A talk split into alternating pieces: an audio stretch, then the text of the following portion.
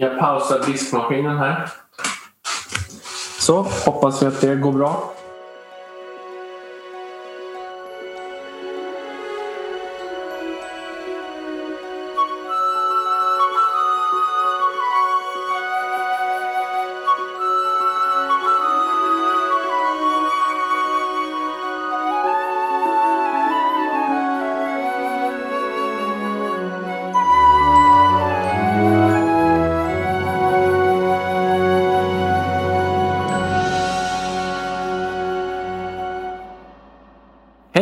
Välkomna till avsnitt 50 av Tolkienpodden. Eh, Det här är ju nästan ett nytt jubileum igen. Två avsnitt efter vårt fyraårsjubileum.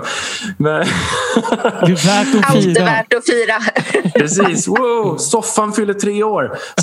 Men ehm, hur som helst, eh, avsnitt 50 det är ändå ganska stort att vi har gjort 50 avsnitt tycker jag. Det, är- det är jämnt och fint. Verkligen. Galet stort. Mm. Och eh, det här avsnitt 50 det kommer vi att fira med att försöka vara lite vad ska man säga, populärkulturella idag kan man väl säga. Eh, Till och- skillnad från våra finkulturella eh, inblickar som vi brukar ägna oss åt här. Eller? Ja precis, von oben-poddens djupdykningar. Ja. Men eh, idag så ska vi i alla fall prata om hur Tolkien har påverkat senare populärkultur eller senare fantasy och genom att välja ut några kända verk som har kommit efter och titta på likheter och skillnader och så. Så skulle man kanske kunna sammanfatta, eller vad säger ni? Mm. Vi har valt ut Ja, typ de mest kända vi kunde komma på. I princip. om vi nu begränsar oss till fantasy vet jag inte riktigt. Ja, vi får se, det, beror, det är ju en definitionsfråga. Vi in på det. Definitionsfråga. Det blir Mm. intressant. Mm. Och de tre verk, eller de tre serier kanske man ska prata om eh, som vi har tänkt ägna oss åt är ju alltså eh, Star Wars. Eh, det är eh, Harry Potter och det är Game... No, Song of Ice and Fire. Nu ska vi inte slänga in Game of Thrones bara för att den heter så i, i tv-versionen. Eh, Snygg räddning mm, eller hur? Verkligen. Vi kanske kan beröra båda, båda de verken i samma veva kan jag tänka Det, mig. det blir nog sannolikt så. Med, med tanke på att han själv hade svårt att hålla isär det där så, Mm. eh, på slutet så kanske vi kan få väva ihop det lite. Och precis som vanligt så har vi glömt att säga vilka vi är innan vi börjar prata om det här. Så att den här podden görs alltså av Adam Elisabeth? Och Daniel och precis som vanligt så kommer vi också inleda med lite annat smått och gott innan vi kommer in på själva ämnet. Och innan tipset så har vi en liten nyhet eh, och den har att göra med den kommande tv-serien från Amazon. Och det släpptes en nyhet, jag tror att det var igår när vi spelar in nu, men i mitten av maj här, eh, att eh, en ny regissör har kontrakterats till tv-serien. Charlotte Brändström, som alltså är en halvsvensk regissör. Ja, eller beror på hur man ser det. Båda hennes föräldrar är svenska. Men hon är född Mm. i Frankrike. Ja, Svensk-fransk kan man väl säga då i alla fall. ja, precis. Mm. Mm. Men vi kan inte ta åt oss hela äran. Ja, men nej, det kan vi inte göra. Nej, men hon twittrade det ju själv faktiskt. Hon la ut en bild från, jag misstänker, inspelning. Eh, så såg jag. Jag måste erkänna att jag inte visste vem hon var innan det här nyheten släpptes. Men vi kollade upp lite grann och hon hade bland annat varit med och re- regisserat i The Witcher, ehm, i Outlander, ehm, Johan Falk. vad var det mer? Wallander, inte minst. Wallander, precis. Ja. Eh, Grey's Anatomy. Arrow? Ändå en ganska liksom vad ska man säga, ganska välkända serier i vissa fall här. Men, men det är väl lite så att med, med ganska få undantag ska jag erkänna att just så här tv-serieregissörer som inte liksom är fasta. Där ska jag nog erkänna att jag inte kan jättemånga namn så. Nej, Jag är inte förbluffad över att jag inte känner till henne trots att hon, hennes ganska liksom, digra verklista. Så. Men det ska bli spännande att, se. Um, och det är ju typiskt svenskt där man ska försöka klämma fram en liten svensk koppling någonstans. Det är ungefär ja. som när Sverige missar fotbolls-VM och man ska försöka säga men materialförvaltaren i Polen är faktiskt uppvuxen i Karlskrona. Den ja. typen av så koppling. Så det känns lite så här också. Fast det här känns ju inte riktigt så långsökt ändå. Hon växt, växte ju tydligen upp i Sverige. Så absolut. Mm, absolut. Mm.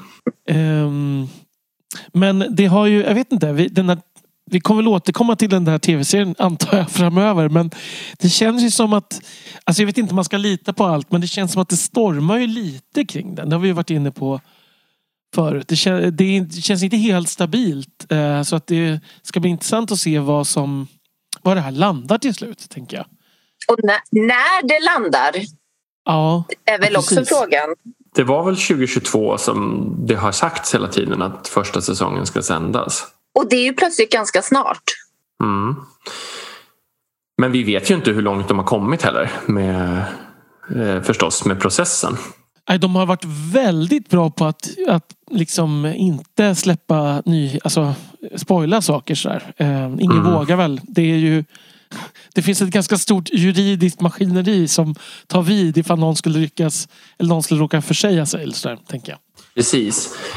Ehm, men ehm, det har ju varit en hel del såna lite obekräftade rykten som kanske är lite oroande. Vi, vi, mm. vi, tog väl dem lite grann men jag tror inte vi gick in på alla dem. Men det har varit ett helt, ett helt batteri sådana liksom, lite olycksbådande rykten. Men jag tänker att det är ingen idé att vi går in och diskuterar dem om vi fortfarande inte vet om det är sant eller inte. Mm. Nej, precis.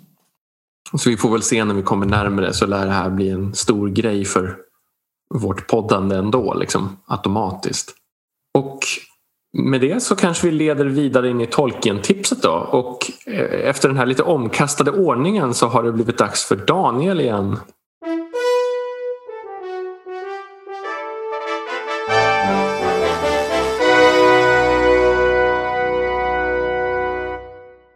Då har turen kommit till mig igen som sagt och jag tänker tipsa om en bok som vi nämnde här i ett av våra tidigare avsnitt men vi gick inte in så mycket närmare på den.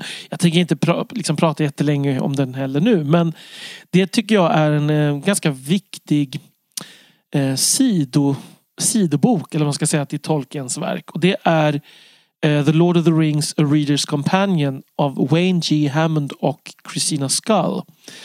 Och i princip kan man säga att det det är är en annoterad utgåva av Lord of the Rings utan själva Lord of the Rings. Alltså det är som att mm. hela notapparaten eh, i en annoterad utgåva frikopplad. Och anledningen till det är ju att den inte ska bli för tjock och tung. Alltså en annoterad version av Lord of the Rings med alla de här eh, kommentarerna skulle ju inte gå att bära, tänker jag. För att den här boken i sig är typ 900 sidor nästan. Och då är som sagt inte eh, inte själva texten med i Lord of the Rings. Så ni förstår att det är ganska mycket kommentarer och sådär.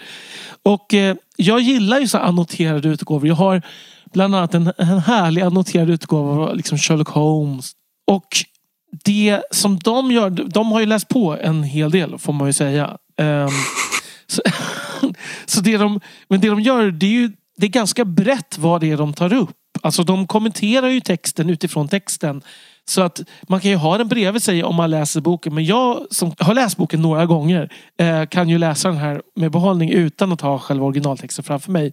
Mm. Men det de har här är ju då alltså, allt ifrån till exempel att förklara äldre engelska ord eh, till att göra textanalyser, eh, peka på tidigare utkast. De kommenterar, de citerar ofta Tolkiens brev där han förklarar saker i liksom eh, alltså ger en, en förståelse av, av väldigt, väldigt mycket i boken kan man säga.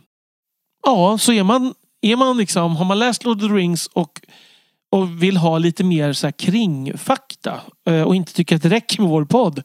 Då skulle jag verkligen rekommendera att man köper den här för då får man ju en otrolig massa eh, stoff så att säga man får mer än lite mer kring fakta kan man säga. Det kan man säga. Jag kan fortfarande inte riktigt släppa det där som du sa för någon minut sedan om att vet du, de, de har läst på ganska mycket. Det hade varit ganska kaxigt att göra en 900 sidors kommentarbok och bara vi kör på en höft och ser. Vi kanske ja. kan hitta lite info på vägen här. Ja, jo, nej, men precis. Det, så är det ju faktiskt. Eh, eh, så att, ja, nej det hade varit kaxigt. Men det, det är ju också, det är lite vad ska man säga? Det här är ju lite, det finns ju en annoterad utgåva av The Hobbit. Eh, som mm. inte de är inblandade i. Men där, där får ju liksom texten plats med noterna mm. bredvid. Liksom. Eh, vilket som sagt inte var möjligt här. Men eh, det är också de här personerna som har gett ut de här eh, lite kommenterade versionerna av Tolkiens småböcker som vi har pratat om tidigare. Mm. tidigare. Så. Mm.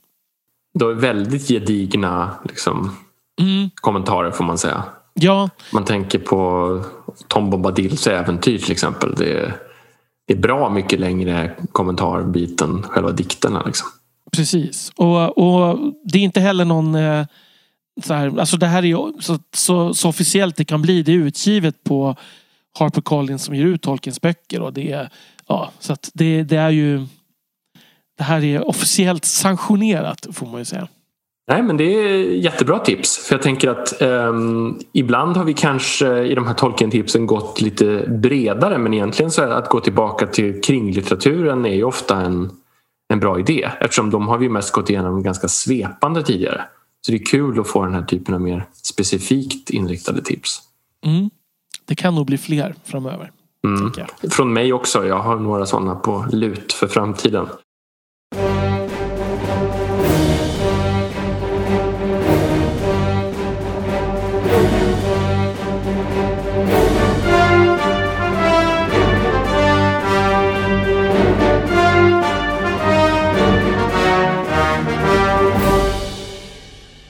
Efter det trevliga tipset så är det dags för avsnittets huvudämne då. Och som jag sa i inledningen så kommer det här alltså vara en sorts analys av hur Tolkien har påverkat eller åtminstone liknar en del senare verk i eh, angränsande genrer skulle man kunna säga. Då. Och det första eh, verket som vi kommer ge oss på det är Star Wars och det var kanske där du Elisabeth menade att det lämnar fantasy åtminstone så finns det ju ganska många som hävdar att det tillhör en annan genre. Jag skulle säga att det är både fantasy och science fiction. Men, mm, men jag vet inte, det är en definitionsfråga förstås. Ja, det är kanske är en ganska intressant sak att, att fundera kring. Vad är det som, eh, som krävs för att det ska vara fantasy och vad, vad är det som, som gör att man placerar det i science fiction istället? Alltså, min min så magkänsla med genre, med det där med fantasy science fiction, det är ju att fantasy ofta har att göra med någonting magiskt och science fiction har att göra med någon typ av maskinellt. Alltså science fiction, att det är liksom vetenskap versus någon sorts magi eller övernaturlighet. Att det är någon sorts första... Och där är ju Star Wars faktiskt lite både och. Det är rymdskepp men det är också the force mm. som sen George Lucas försöker förklara med någon sorts konstiga midichlorians i senare filmer. Men det är uppenbart något religiöst, åtminstone till en början tycker jag. Mitt, min magkänsla är delvis det men också någonting med snarare vad tyngdpunkten i berättandet ligger skulle jag säga för mig. Alltså att, och det, det anknyter ju men, men liksom den här quest grejen och, och liksom den typen av tematik för mig signalerar liksom väldigt mycket fantasy. Medan mm. liksom typ stiftelsetrilogin av Erik Asimov som i och för sig också är någon slags quest på ett sätt men där det handlar, själva temat är teknologi och framtid. Liksom. Det, det är det som är handlingen. Så. Då tycker jag att då blir det väldigt mycket science fiction. Liksom.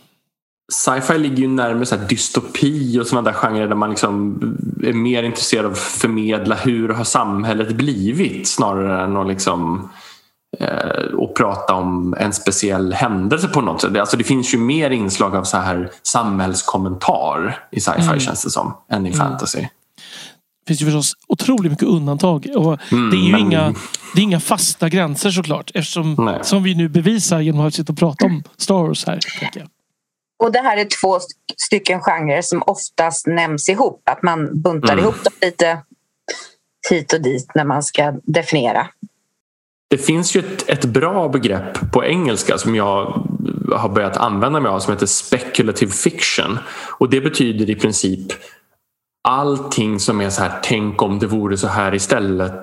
Och det buntar liksom ihop fantasy, science fiction, mycket skräck superhjältehistorier, dystopier, eh, historisk fiction. Alltså allt sånt där som är så här söker en alternativ tänk om-story. Och det tycker jag det är en ganska användbart begrepp på något sätt ändå. Ja, jag har snappat upp ett svenskt begrepp som, som är fantastik. Som jag tycker är väldigt bra. Mm. Ehm, det, det, alltså jag tror att det egentligen i princip eh, är samma grej. Alltså Mm. att eh, det är bara lite olika beteckningar för det. Liksom. Mm. Ehm, men, men, men vad, och, nu, det är lite sidospår men, men man får liksom vad är skillnaden? Liksom? För att jag såg till på, alltså vad ska man säga, vad är skillnaden mot allt övriga då som finns så att säga? Vad, för att jag såg en, eh, eh, det var en Twitter-tråd som, som handlade om vilken är den senaste eh, liksom framgångsrika tv-serien som inte är en genreserie. Och då menar de med genre, menar de någon, allting som var någon annan genre än någonting som inte är en genre så att säga. Och det där, Mm. för mig blev det lite så här. De pratar om att Mad Men var den senaste tv-serien som inte var en genre-tv-serie. Och då räknade de bort deckare och sånt också. Liksom, i det. Mm. Men det är väl lite som den här uppdelningen mellan roman och olika genrer i böcker. Att man sätter vissa saker under fantasy och andra saker bara under roman. Mm, mm. Eh, Men det är självklart en lite sökt uppdelning. Men, men samtidigt, jag tänker ju att här finns ju någon typ av så här... Det som håller ihop det här och delar upp det från någonting annat är att den, det på något sätt inte försöker förmedla att det här skulle kunna vara verkligheten utan att det är snarare det här är en alternativ eh, värld eller tolkning av världen eller alltså någonting som man, man sätter Mm. upp medvetet. Saker är inte som, som vanligt medan om du läser en vanlig roman som bara klassas som roman så är det generellt så att den skulle ofta kunna kopplas in i vår vanliga värld utan att någonting annat skulle behöva vara annorlunda. Alltså något Mm. åt det hållet. Mm.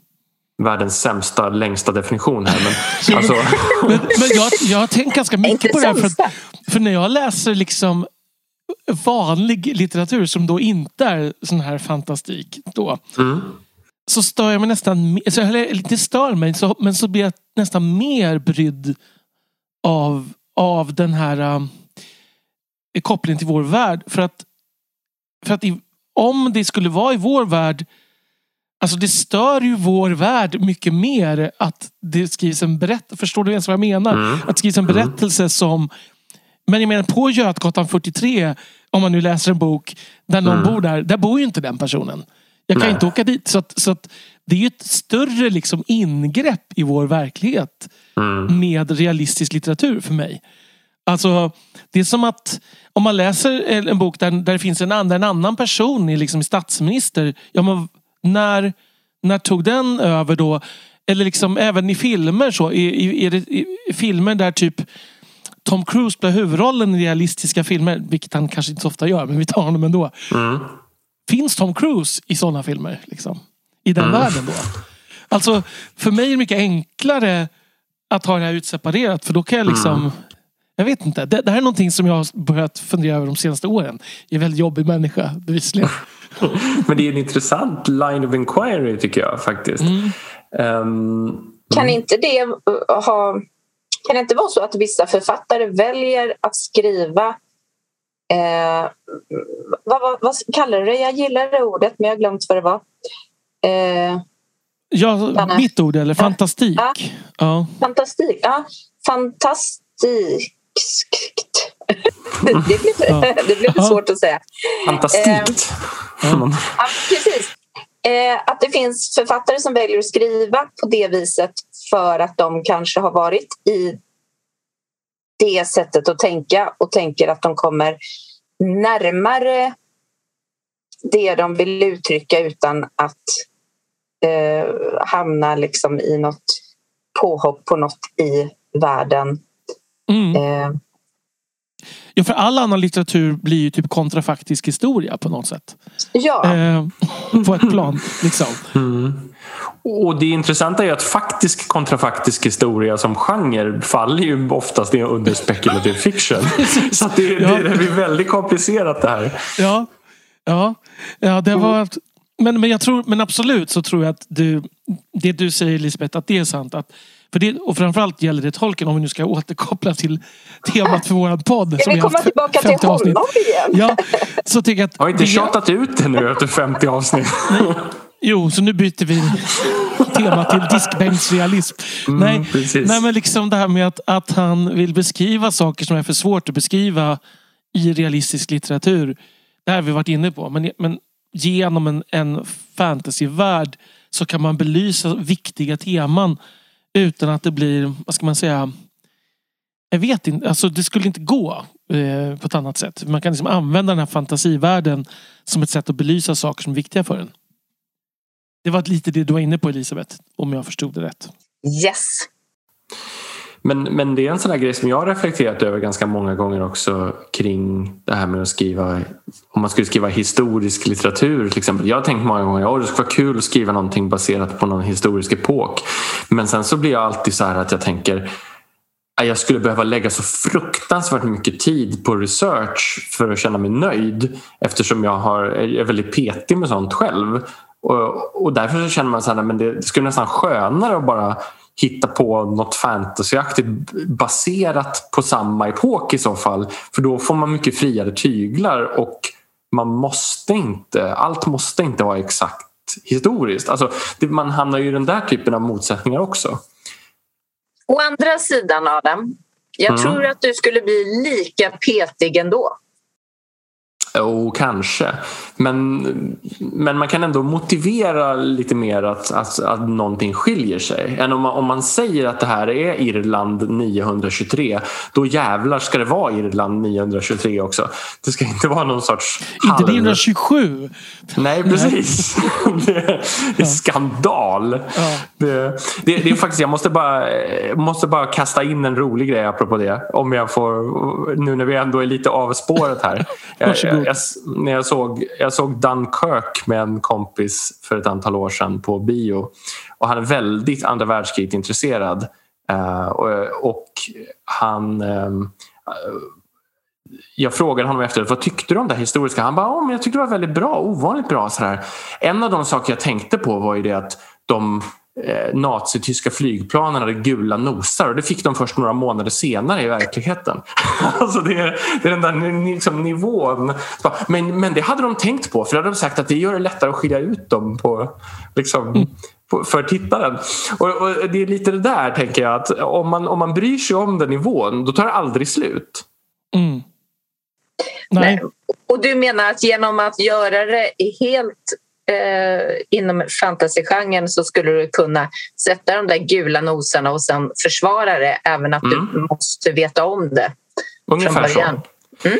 Fantasyförfattaren David Edding sa ju en gång att skillnaden mellan oss fantasyförfattare och science fiction-författare är att, om, om någon, att de börjar liksom prata om hur, hur klockan fungerar och vi säger vad klockan är och så fortsätter vi storyn. Så, liksom, Det är ganska lite bra. sanning finns det nog i det ändå. Mm.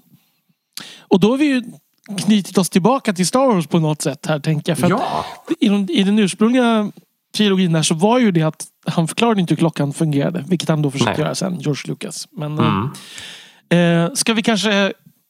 ska vi gå liksom... Ska vi ta oss tillbaka till till en Va? galax långt, långt borta för länge, ja länge sedan. precis. Det tycker jag. Mm. Och om man, om man ska börja med någon sorts här generell jämförelse så tänker jag att um, det finns ju någon typ av uppenbar likhet i grundstrukturen här. Du nämnde ju redan det där med uppdrag Daniel.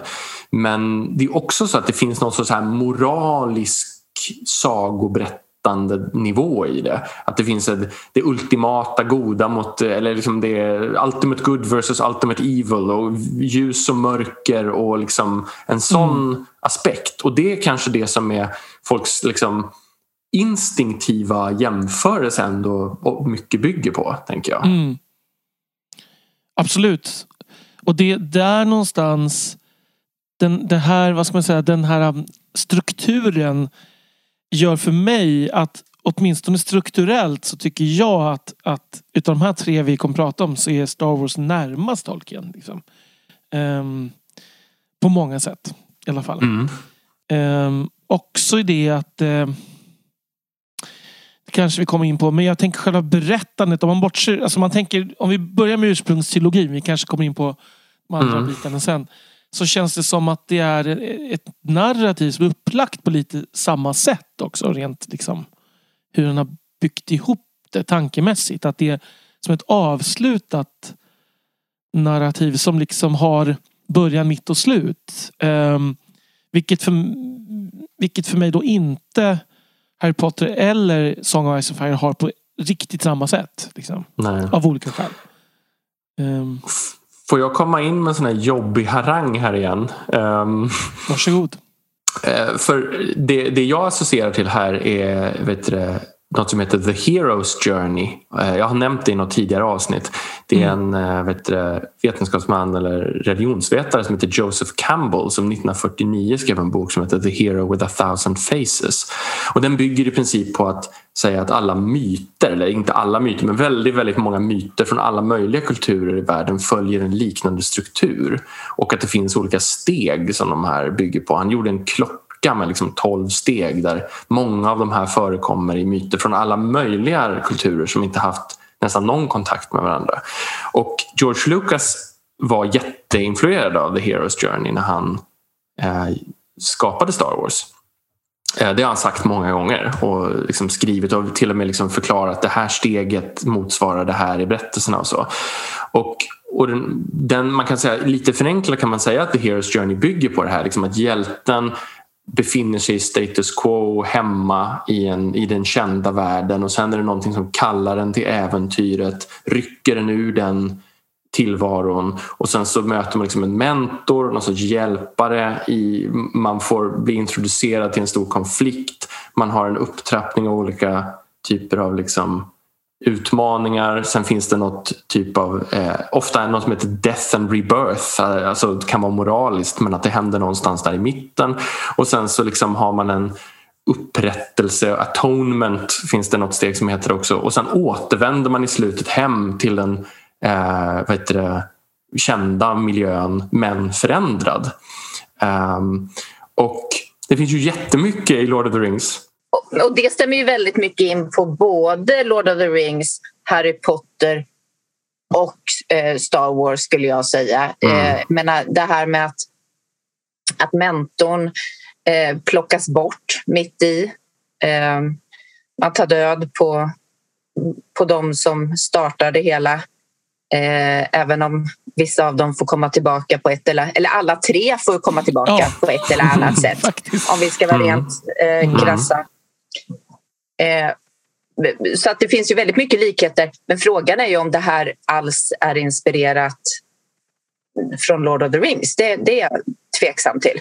Det, nej, men det är lite det jag försöker säga här. Att jag tänker att de här likheterna kanske mer bygger på någon typ av att man anpassar till en lite halvt underförstådd myttradition om hur äventyr fungerar. Att vi är liksom programmerade i det här från, från väldigt, väldigt gamla kulturer och våra berättelser bygger på en tu, mångtusenårig berättartradition där det ska finnas vissa steg med.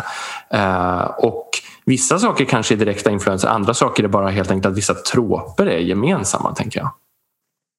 För där skiljer det sig lite. Jag menar, I och för sig så, så eh, Ned eh, eh Stark, eh, han försvinner ju men han har inte riktigt någon han är inte riktigt samma person. Nej. Eh. Det, det, kan man ju också säga som en likhet att liksom Frodo, Harry Potter och Luke Skywalker är ju mycket mer samma roll. Eh, som rycks ur den här liksom eh, lilla lokala säkra världen.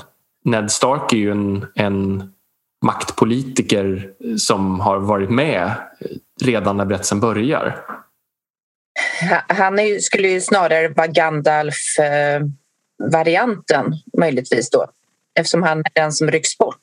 Jag tycker inte att, nej, jag tycker inte att den Alltså, jag säger inte emot på det sättet men jag, jag, tycker inte att hela den här tankevärlden funkar på, på, förlåt, på Song of Ice and Fire på grund av att det finns liksom inte en tydlig hjälte på det sättet. Dels för att det bara är en massa antihjältar men också för att det är ju inte en persons berättelse.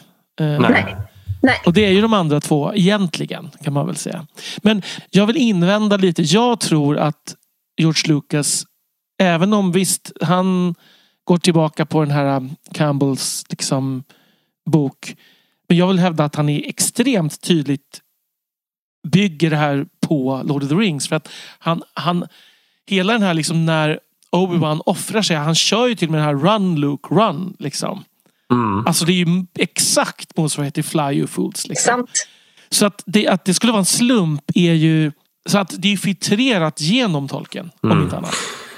I det tredje utkastet till den ursprungliga Star Wars-filmen när Obi-Wan och Luke träffar varandra första gången så mm. är deras ursprungliga dialog en exakt kopi, ordagrann kopia av Gandalf och Bilbos dialog om Godmorgon. Nej. Mm. Som han sen strök. Så det, ja, så att, alltså bara det att det är Obi-Wan som säger god morgon och Luke som säger alla de här underfundigheterna som kommer från Gandalf. Men det är ordagrant samma dialog i det utkastet. Det var lite gulligt. Mm. Mm. Men jag tänker också hela det att, att Obi-Wan Kenobi är liksom ur Lukes perspektiv något mycket liksom enklare till en början innan han vet Alltså att, att som sen får mycket större dimensioner. Alltså det är också väldigt likt Gandalf. Liksom mm. att det börjar som bara, mm, undrar om ni inte menar gamle Ben Kenobi. Vilket ju för övrigt är en av de löjligaste dummaste grejerna. För att, ja det är klart han menar. Alltså mm. namnet är inte så långt ifrån. Liksom. Eh, eh, så att, men, men, men alltså, så att det är klart att Ja, han har byggt det på det men jag undrar om han inte gick tillbaka och läste Campbell efter att han hade läst Lord of the Rings och såg den här strukturen mm. i boken efter det. Det är min det, känsla. Det är mycket möjligt. Men jag menar det finns ju också jättemånga väldigt specifika likheter som inte bara kan förklaras med Campbell. För, för där handlar det ju mer om berättelsestrukturen. Vad kommer i vilket steg och vad händer och varför och sådär. Men jag tänker mm. så här. Eh, vi, vi har ju ett helt gäng sådana här ett av de största hjälten misslyckas. Luke är besegrad, eh, Frodo faller och sen så krävs det en upprättelse av en fallen ond karaktär, Darth Vader och Gollum för att liksom rädda dagen mm. på slutet. Mm. Jag menar det, det är liksom att en förfader eller pappa i ett fall då, men liksom har misslyckats. Isildur och, och, liksom, och Vaid, eller Anakin och, och som sen liksom Aragorn respektive Luke måste komma som den nya ättelinjen. Liksom. Massa sånt där. Men, men också som sagt att det är någon slags så skuggversion av att Luke vet att han kan bli ehm, eh, mm. Darth Vader. Precis som Frodo vet att han kan bli Gollum. Mm. Liksom. Men jag undrar också där det är som sagt, alltså, de här rollerna går lite i varandra och det, det, vore ju, det är väldigt enkelt att tänka, ja, men om Luke är Frodo så är Han Solo Aragorn. Men prinsessan Leia är ju ganska mycket Aragorn annars, tänker jag. Mm. Eh, den kunglighet som liksom mm. tar över makten när allt är över. Liksom. Precis, men de här rollerna är ju fördelade lite olika i olika personer. Det går ja, det inte klart. att kalkera ett till ett. Liksom. Nej, men precis. som sagt, liksom, att det här med arvtagarskapet är ju mest ändå Luke som har någon typ av liksom, den här once and future king rollen. Även om han inte ska styra så är det han som är liksom hjälten som har ärvt eh, någon typ av kraft. Liksom. Mm, mm. Eh, har vi... Jag fastnar lite på Hans Solo Eh, fin, finns det någon karaktär som man tänker den här påminner eh, i Lord of the Rings? Jag kan inte spontant säga att det finns någon som är så eh, dålig på att följa regler och normer. Och... Alltså, blandning av, av Aragorn som vidstige och Pippin, typ. Tycker jag han Solo är. Alltså det det är någon slags actionhjälte med, men som klantar sig ganska mycket. Liksom. Men Tolkien är inte så antihjälte-kompatibel heller. Nej, alltså, nej, den här nej.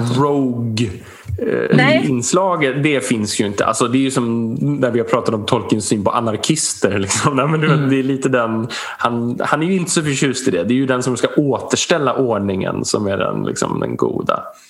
Men, men om man ser det här i ett större perspektiv, om man lägger in de senare filmerna också i det här så blir ju Luke, en, Luke ännu mer Frodo-lik, mer än Aragorn-lik skulle jag säga. Alltså att han blir en, han drar sig undan mer liksom och låter, och låter just andra sköta det praktiska. Ehm, och då, blir, då är ju Leia återigen mer av en Aragorn skulle jag säga. Mm. Och sen kan man ändå tänka den fysiska stympningen. Av med handen på Luke Mm, och av mm. med fingret på Frodo. Alltså det är ju också någon typ av likhet Absolut. där. Mm. Eh, Men, men också såna här saker tänker jag som att så här, man blir fysiskt förändrad av ondska. Palpatine och Gollum. eh, Alltså hur de förvrids och blir såna här skuggvarelser. Av, liksom, eller att um, egentligen är det så där med hämnd och alltså passionerad hämndlystnad leder till mörkret. Jag menar Yodas alla här, liksom, ni vet, kända med eh, det som leder till the dark side jämfört med Gandalfs liksom, föreläsning för Frodo om att man inte ska döda Gollum. Alltså, det är också ganska likt. Verkligen. Mm. Och det här road movie känslan.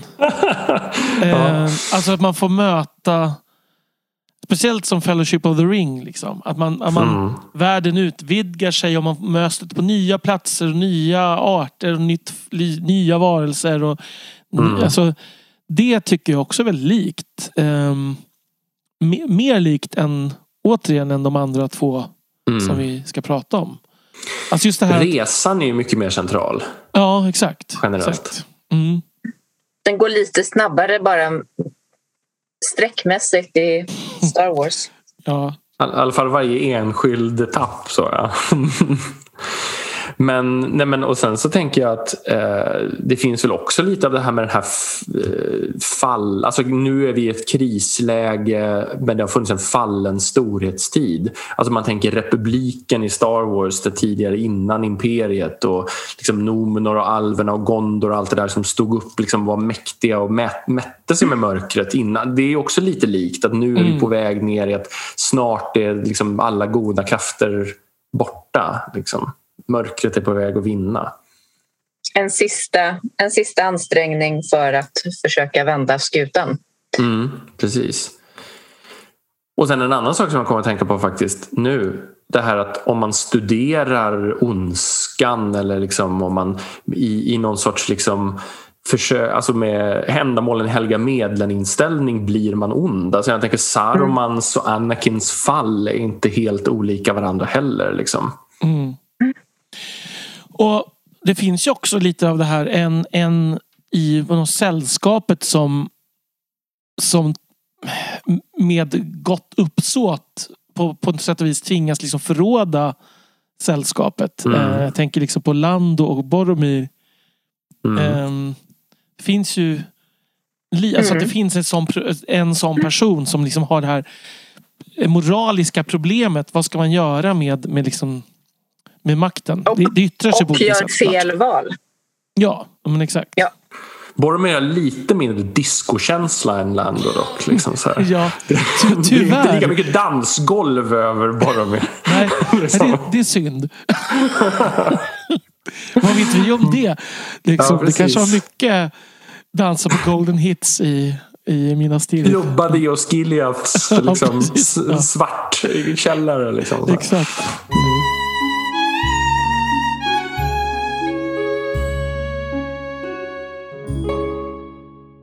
Nej, men, men om man kan fundera på lite skillnader då. Ehm, Jag tänker ju att Star Wars har en mer asiatisk influens också. Det finns någonting mer så här buddhistiskt i, i moralen där. Som, i- alltså, som, även om det finns ljus och mörker så blir det ändå mer Ja, det, alltså det, fin, det, är en and, det är inte en kristen ton i allt Nej. på samma sätt. Eh, Nej. och, och jedi, liksom jedi-riddarnas vad ska man säga, lär, lärdomar är, är faktiskt, tror jag inte att de flesta Tolkien-figurer hade ställt upp på alltid. För de är väldigt sådär att man inte ska rubba balansen och att det, det är mycket sådana inslag. Och jag tänker också att med de senare filmerna, alltså mer backstory, så är ju faktiskt det är ju inte alls lika uppenbart att jedis är goda och felfria heller. Eh, utan de framställs mycket mer moraliskt komplicerade än mm. vad Tolkiens goda sida gör. Precis, ja, så Tolkien hade ju säkerligen avskytt Star Wars. Um, just mycket på grund av det här liksom quasi-filosofiska mambo jumbo grejerna. Liksom. Ja. Alltså det, det är väldigt långt ifrån Tolkien. Mm. För, att, för det känns ju också... Alltså det är inte så att jag inte tror att George Lucas han tror säkert på en hel del av det här men det känns också mer inlånat. Mycket av det som är det moraliska och liksom vad ska man säga värderingsmässiga ryggraden i Lord of the Rings känns som att Tolkien landar väldigt mycket i den själv. Verkligen. Um, det andas mer självhjälpsbok på Star Wars här. Ja, liksom. som en, och som en an, liksom, vad ska man säga 60-tals andas barn på något sätt. Lite grann. Det, och det är ju väldigt långt ifrån. Det är ju. Men en skillnad till som jag liksom nästan reagerade på när jag funderade över att det, alltså som nästan är lite förvånande är att det finns ju inget sånt där centralt maktföremål i Star Wars. Alltså som ju annars är en sån otroligt stark tråp efter Lord of the Rings. Det här med ringen och andra, alla möjliga andra. Jag menar Belgarion-böckerna har den här stenen och liksom man, man, det finns väldigt ofta, det finns ju hur många sådana exempel som helst, men det finns ju väldigt ofta en sånt föremål eller flera. Men det finns ju inte riktigt i Star Wars. Alltså kraften, men det är ju mycket vagare. Ja, det här handlar väl, det är ju makt. Mm. Där, skulle jag säga. Makt över världen. Na, världarna. Men det finns ju samma tema där som lockelsen. Liksom, att kraften kan ge en en makt som, som man kan använda till fel syften. Precis som ringen kan om man tar ringen. Det temat ligger ju där men det är ändå inte centrerat i en... Alltså uppdraget kretsar inte kring ett föremål ändå. Nej, de närmaste grejerna jag kommer att tänka på, men det motsvarar inte alls ringen. Det är ju dels, alltså deras ljussablar är ju liksom mm. väldigt föremålscentrerade. Men det motsvarar ju mer Andoril eller något. Liksom. Mm. Men sen själva dödsstjärnan skulle man ju kunna säga är ett föremål. Mm. Som måste förstöras två gånger dessutom. Mm, men det känns ju mer som en parallell mot Mordor eller mot liksom jo, dom, mm. Domberget, alltså det här ondskans hjärta. Det, absolut, men det, men det är samtidigt något konstruerat. Mm. Det, det är ju det här lite maskinella ändå som Alltså det är för sig, ett, nu slog jag så det tema som är väldigt typiskt för båda. Det är ju natur kontra maskin. Liksom. Mm, det har du rätt i faktiskt. Um, att maskiner är något, inte alla maskiner, men, men när det blir, alltså jag vet inte. Det, det går i alla fall att utnyttja på väldigt fel sätt. Medan mm. det här naturliga verkar vara väldigt eh, äkta och eh, gott. Så.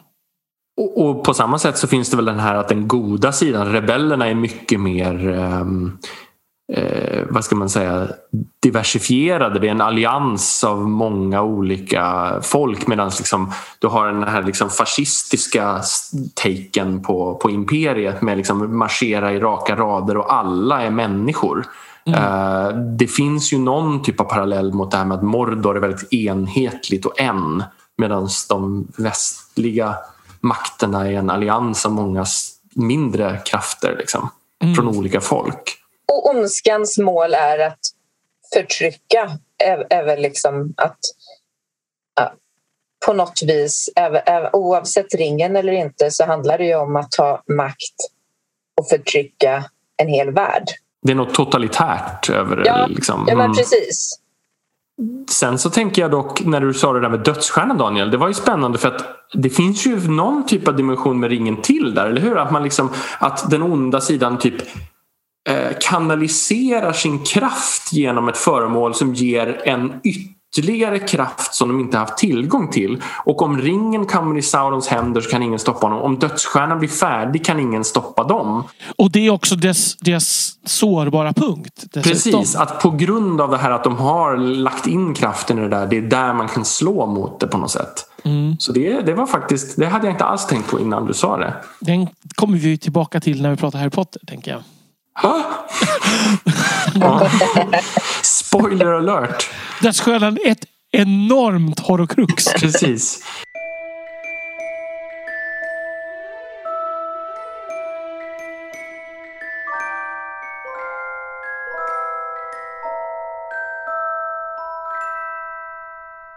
Harry Potter.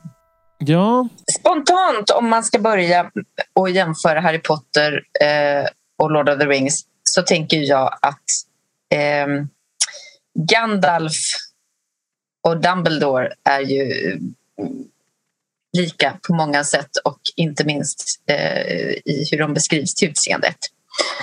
Ehm, så det, det kan ju knappast ha varit en slump. Det bör inte ha varit eh, bara taget sådär.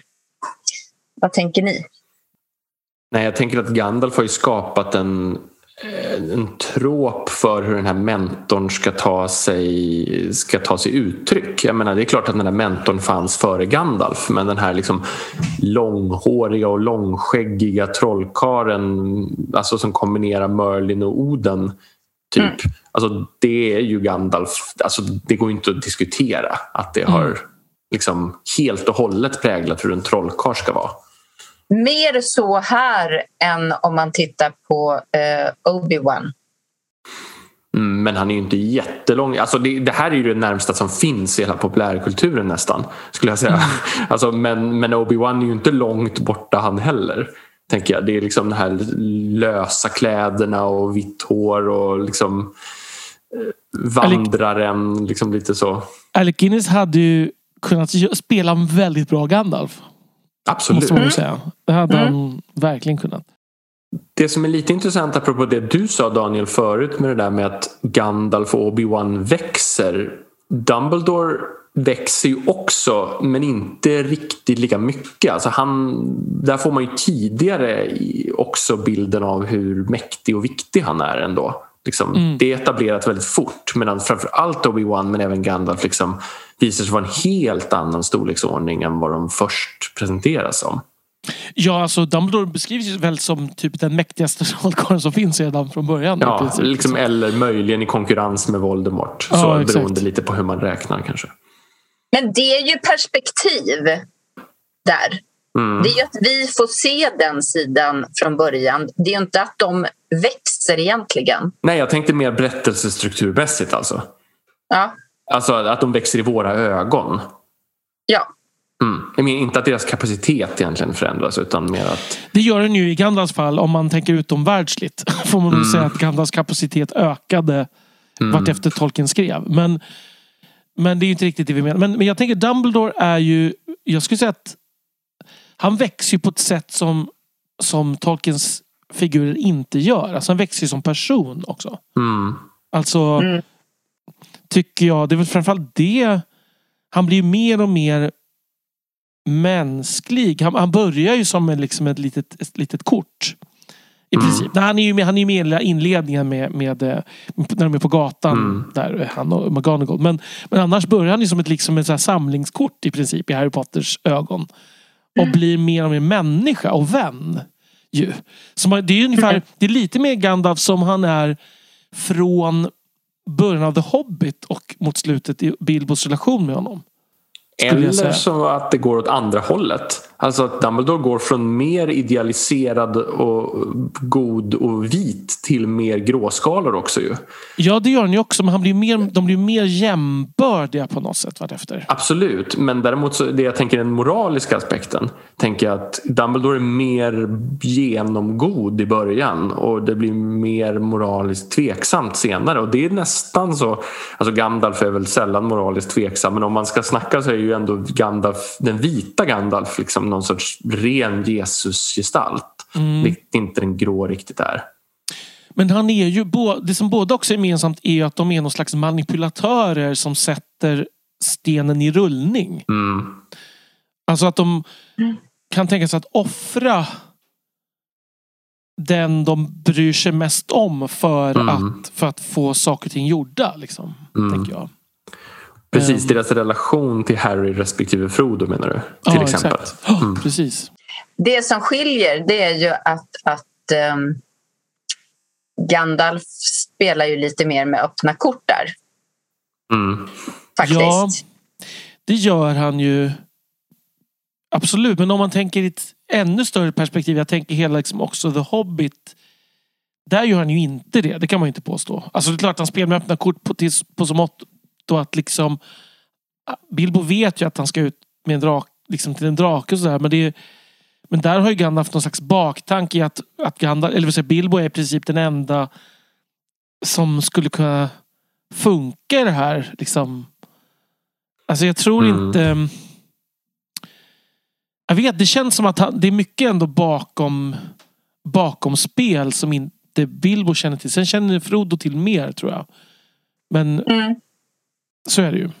Men sen är de ju även i ett lite bredare perspektiv också sådana här puppet masters. Alltså att de liksom petar och påverkar och pratar och liksom piskar upp någon sorts liksom, samarbeten och, och, nej, men, och lägger, lägger grunden för saker som ska komma till eh, vad ska man säga, komma i blomning många år senare. Så de har den här liksom stora, som, de är lite som den goda sidans chefsideologer på något sätt båda två. mm, absolut. Jag tänker en sak som skiljer är ju att eh, i, i Dumbledores fall så låter han ju eh, liksom han, han låter ju Harry lösa problemen, utsätta sig för fara, eh, ta sig igenom och växa fast att han finns i närheten. Mm. I Gandalfs fall så är det ju att han försvinner, blir inlåst eh, uppe på ett torn eller faller ner i klyftor eller eh, Det, det han vet att det händer så ofta. Ja, precis. och har sig. Ja. Ja, men precis. Nej, men han, han, eh, han överlåter ju inte på det viset. Nej. Fast mot slutet får man väl säga att han gör det. Jag menar, han, han försvinner ju under stora delar. Alltså, för Frodo försvinner han ju. Liksom. Mm. Han gör det ju inte medvetet för att låta Frodo lösa uppgiften. Nej. N- nej, precis. Men det gör väl inte Dumbledore heller när han väl verkligen försvinner på riktigt. Inte när han Nej, försvinner, in- men Inte tidigare. då, men alla Ah. andra gånger. Han har ju en mer hands-off policy än vad Gandalf har. Jo, men återigen, där är han ju mer, mer som Gandalf är i Bilbo. Måste jag ju säga. Mm, Alltså, mm, alltså Gandalf i Bilbo Mm. försvinner ju hela tiden för att Mm. Bilbo ska kunna växa med uppgiften. mm, det är sant. Alltså Gandalf är ju lite olika i de olika böckerna får man ju säga. Vad han, hur han beter sig och har sig. Apropå hur han har sig. Ehm, men jag tänker annars bara någonting som om vi fortsätter med. Eh, Jag lämnar Dumbledore och Gandalf lite tag. Så, så den litterära stilen i liksom, det, finns, det finns ju. Den är mer lik eh, liksom Tolkien när han är som mest hobbitsk. Men i Mm. övrigt är han ju är ju liksom J.K. Rowling mycket mer, alltså jag tycker att det är mycket mer Roald Dahl i stilen. Liksom. Mm. Eh, Det här som du har kallat prilligt i tidigare ja, avsnitt. precis. Vad ska man säga? Jag associerar jättemycket till den här Kalle chokladfabriken, de här olika chokladsorterna som, som finns. Det är ju typ någonting som tycker jag J.K. Rowling väldigt mycket bygger vidare på. Att, att man liksom går in i barnets fascination för, för den typen av detaljer. Liksom. Mm. Och det Och är väl skapa det någon är... sorts humor ur det också. Ja precis och, och, och det Alltså bo, om man då tar likheten mellan Roald Dahl och J.K. Rowling är ju att de båda tror jag förstår sig på vad barn fastnar för i en berättelse. Mm. Liksom, väl, det är väl, tycker jag, hennes största styrka i de tidiga böckerna. Är liksom hur hon fångar precis det här som barn tror jag liksom verkligen vill veta mer om. Vad var Mm. det för godis de åt egentligen? Mm. Liksom? Alltså, alltså sådana, vad, är, vad var det för skillnad på de olika trollstavarna? Alltså såna där, Mm. alltså jag tänker att det är på ett annat plan än Tolkiens. Eh. Tolkien talar mer till de lillgamla. Ja men exakt. Och till sig själv tror jag. Ja, verkligen. ja, jo, Precis. Men det, sen finns det också något intressant med att det, det engelska är gemensamt men det är liksom olika aspekter av det engelska också på något sätt. Tycker jag. För att alltså, Tolkien har ju mycket mer det här liksom Oxford och Cambridge eh, liksom det här akademikerarvet och sen så det lantliga. De två sakerna kommer in väldigt mycket medan liksom, det, fin- det är andra aspekter av samhället, skolsystemet och sådana där saker. Förortslivet. Ja, men precis. Det ja. sånt kommer in i J.K. Rowlings. Sen så finns det ju självklart alltså med skol, det akademiska där också fast det är mer en skola liksom, snarare än det här alltså, Tolkiens universitetsgrejer menar jag inte finns i själva berättelsen konkret men menar att det färgar vad, hur berättelsen är berättad. Det är ju väldigt tydligt en professor som skriver boken. Liksom. Ja, och sen, och sen humorn är ju liksom postpytonsk får man väl säga hos Rowling. Mm. Alltså det är ju någonting i det ändå som... Det, det, det var lite smått genialiskt att John Cleese castades liksom som Nearly Headless Nick. Liksom, Mm. För att det är någonting i det som... Det är ju modernare fast ändå förstås brittiskt modernare. Alltså det är ju ändå ganska konservativt men liksom det finns ett, en annan ton liksom, i det. Mm. Du ser fundersam ut Elisabeth. Nej, men ja, jag funderar lite på, på det här med skolakademiskt och, och sådär. Ehm, det jag funderar på det är ju att eh, lite vad ni tänker och tycker. För eh, J.K. Rowling hon har ju ändå plockat in väldigt mycket så här ja, men, mytologiska varelser och olika Alltså det, det finns ju en hel del referensramar som dyker upp här och var, liksom historiska detaljer. Och, eh, och, och man skulle ju kunna se det som en likhet att det finns eh, eh, i, i, förekommer i båda men jag har en känsla av att eh, åtminstone en av er tycker att eh, det är snarare en skillnad mellan Mm. det här eh, hur man Jag tror du kan säga lägga- två av oss. Däremot kanske det är Eh, lite olika ja. vad vi tycker om det. Alltså skulle Ja, jag kanske det. säga. Eh, mest kritiskt tänker jag att Adam är. Jag är alltid mest kritisk. Eh, Det, det är jag som är den onyanserade i den här podden. Det är min roll. Nej men, nej, men alltså, här så tycker jag att, liksom, att det är en förolämpning att ens jämföra Tolkien med Rowling. Alltså, så, så långt dristar jag mig till att gå. Alltså att Tolkien är, det fin, han är ojämförbar på den här punkten med liksom den djupet i den referensramen. Rowling känns som att hon har läst lite grekisk mytologi, skakar i en påse och häller i. Liksom. Det, för mig, alltså, det finns en massa referenser men de är inte integrerade i närheten av det sätt som Tolkien gör. när Han liksom bygger världen och liksom förklarar fornengelska ord. J.K. Rowling är mycket mer det här som normala människor skriver en bok. Att man hittar något kul någonstans och tar med det. Det är liksom, för mig är det inte alls jämförbart. För, förutom att jag nu kommer göra en massa Narnia-fans arga så är det ju mycket mer C.S. Lewis. Mm, över hur, hur Rowling gör. Um, vilket i och för sig är en, jag menar, det kan man väl säga Det att det inte är fy skam. Det är väl en men, komplimang? Nej, det är väl en Mm. komplimang i sig. precis, men, jag, men, men, men det är väl det går inte ens att jämföra, för jag tror inte att hon har ens försökt att göra en Tolkien. Nej.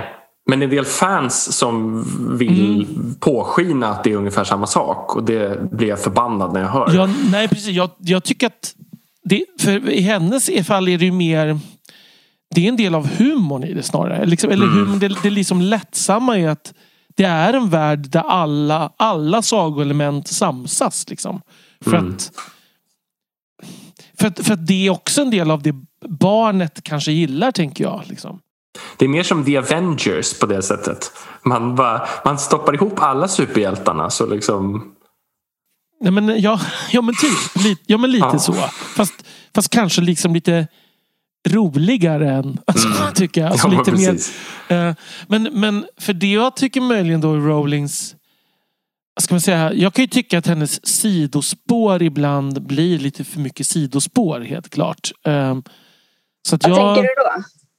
Alltså jag kan ju tycka att i en del fall att filmerna inte förlorades mycket på att de skalade bort en del eh, av sidospåren. För att det blir lite Mm. väl... det funkar också kanske bättre i en bok och det funkar också bättre i de här tidigare böckerna som är lite barnsligare. Liksom, med alla sidospår. För att det blir mer skojiga detaljer. Men, men eh, du tänker lite som småplottarna som liksom rullar på parallellt med huvudhandlingen. Ja, som i och för sig också ger charmen till böckerna. Mm. Man, man, får liksom veta vad som händer på alla olika typer av lektioner och allting sånt där. Eh, och, men, men det är någonting också. Men däremot tänker jag att hennes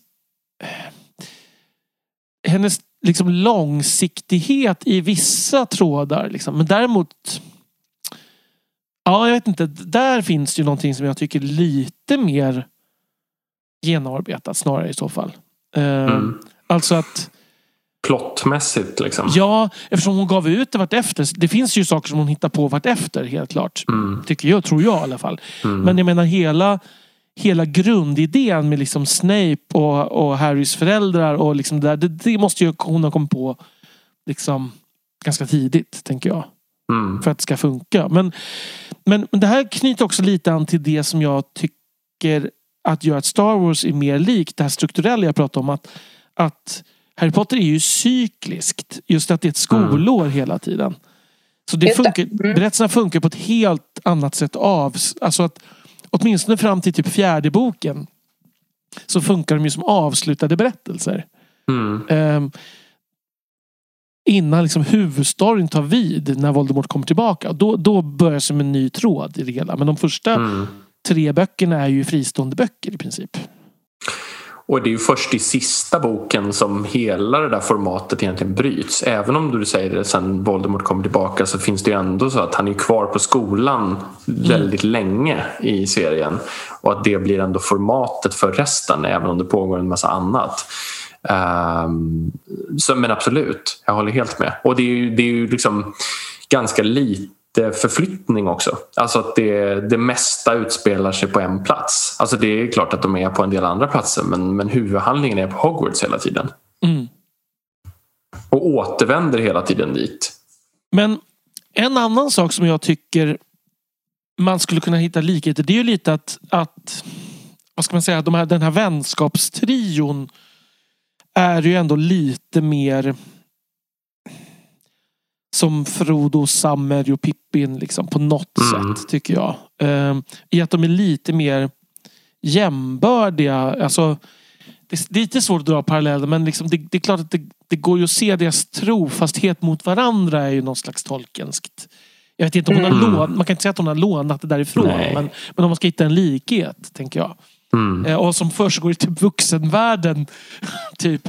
Bland liksom, det, det är någon, lite någonting annat. Och det är klart att även om vi vet mycket väl att hobbitarna är vuxna så finns det ju ändå någon typ av parallell som jag inte känns på att du antyder här mellan hobbitar och barn. Och liksom, mm. att det finns en, precis som att det finns en, liksom en ska man säga, rangordningsskillnad mellan hobbitarna och de andra i brödraskapet.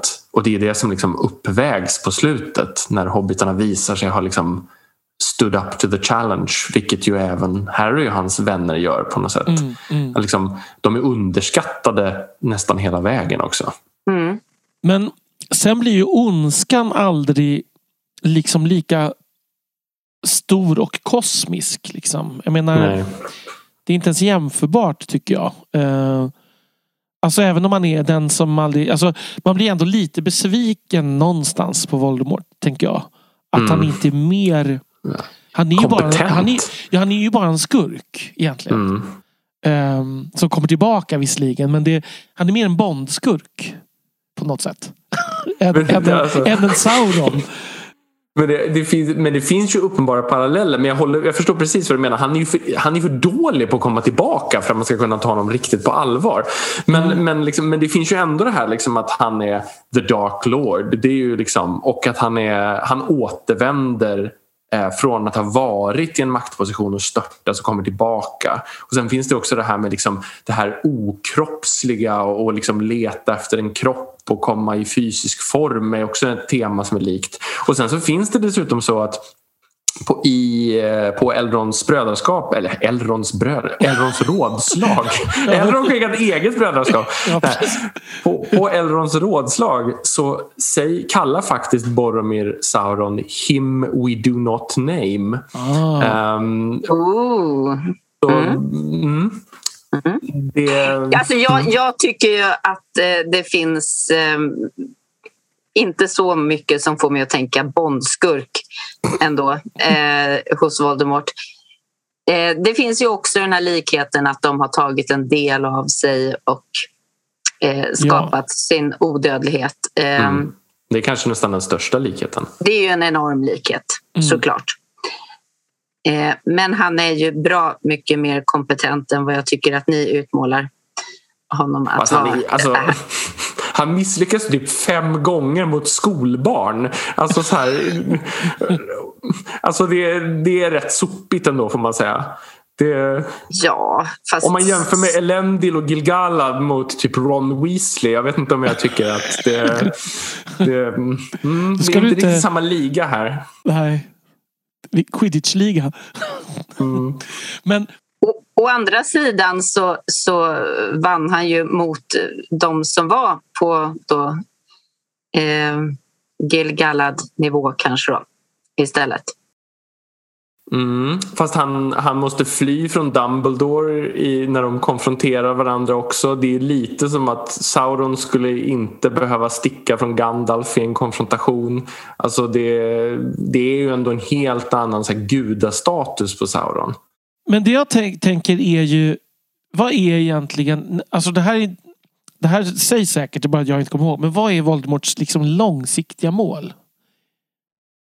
Raslig renhet. är, är det bara makt. i England eller är det liksom, ska han ta över hela världen eller vad är, vet vi det? Jag tror på världen. ja. Kanske i förlängningen men, men handlingen är ju väldigt Englandscentrerad liksom. och det är ju Mm. det perspektivet man får för det mesta.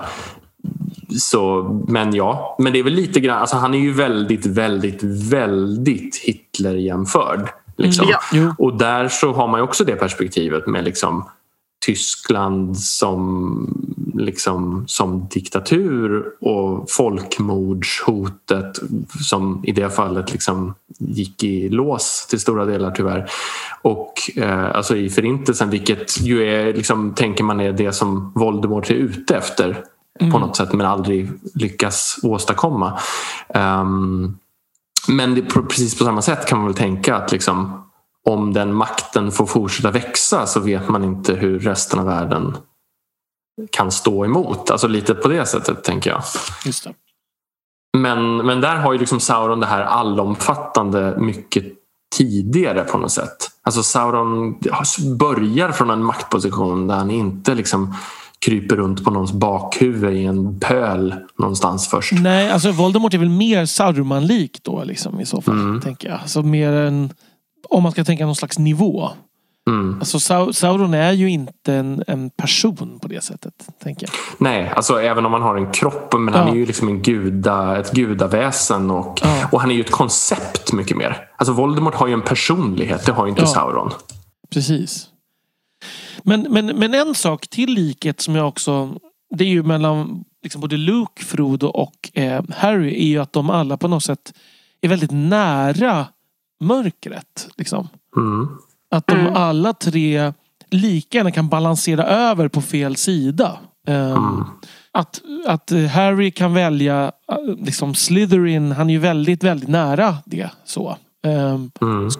och, och Lukes, liksom, alltså när han frestas och han, han också blir av med sin hand och det där vi pratade om tidigare. Men med att Mm. han för, börjar förvandlas till motsvarande eh, Darth Mm. Vader. Och Frodo också är väldigt nära att gå in i den här skugg identiteten på något sätt. Mm. Och det är också knutet till utvaldheten och kraftutövandet ska man ändå säga. För att liksom kopplingen till Vader är baksidan av Lukes utvaldhet och hans stora krafter. Och Det är precis likadant med Harry, liksom det här bandet till Voldemort. Liksom att han hela tiden så känner de av varandra och hans utvaldhet har också liksom den här mörka baksidan. Precis som Frodo kan man säga liksom kan använda ringen och åstadkomma saker men det gör honom liksom utsatt för mörkrets påverkan och han blir sedd på något Ja, sätt. ma- och, och man kan också tänka att precis, det sägs ju kanske inte på samma sätt men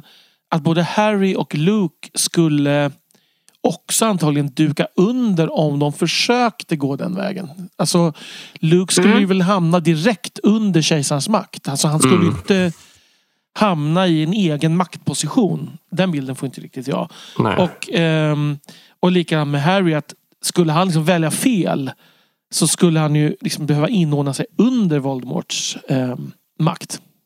Om han ens skulle liksom... Han kanske skulle rensas ut i verkligheten där. Mm. Jag tänker att Voldemorts liksom, lockelse till Harry kanske inte skulle stå sig. När, Nej, nej när precis. liksom, erbjudandet skulle vara falskt. På Ja, något exakt, sätt, exakt. tänker jag mig. Mm. Jag tänker ju däremot att det som skiljer de två är ju att de till skillnad från Frodo faktiskt gör rätt val. Eh, alltså de, de, Mm. de får ju ändå ha- hamna i det här valet, ta ett beslut som blir avgörande som gör dem till hjälte. Mm. Eh, Frodo har ju passerat möjligheten till att ta det beslutet. Han, han hamnar ju liksom under eh, för stor påverkan. Mm. Men där är också intressant att där har vi ju något annat. Alltså Frodos hjältestatus där bygger ju mer på att han har förlåtit Gollum. Det är ju mer Ja. den här kristna, Mm. alltså det är något annat han har gjort rätt snarare. Medan de andra har en mycket mer klassisk hjälte, liksom Ja, emot. alltså, men Harry han skulle ju åtminstone till en början, in, det här är min bild, inte ha förlåtit Gollum och han skulle ha använt ringen mycket mer. Det är jag Mm. helt säker på.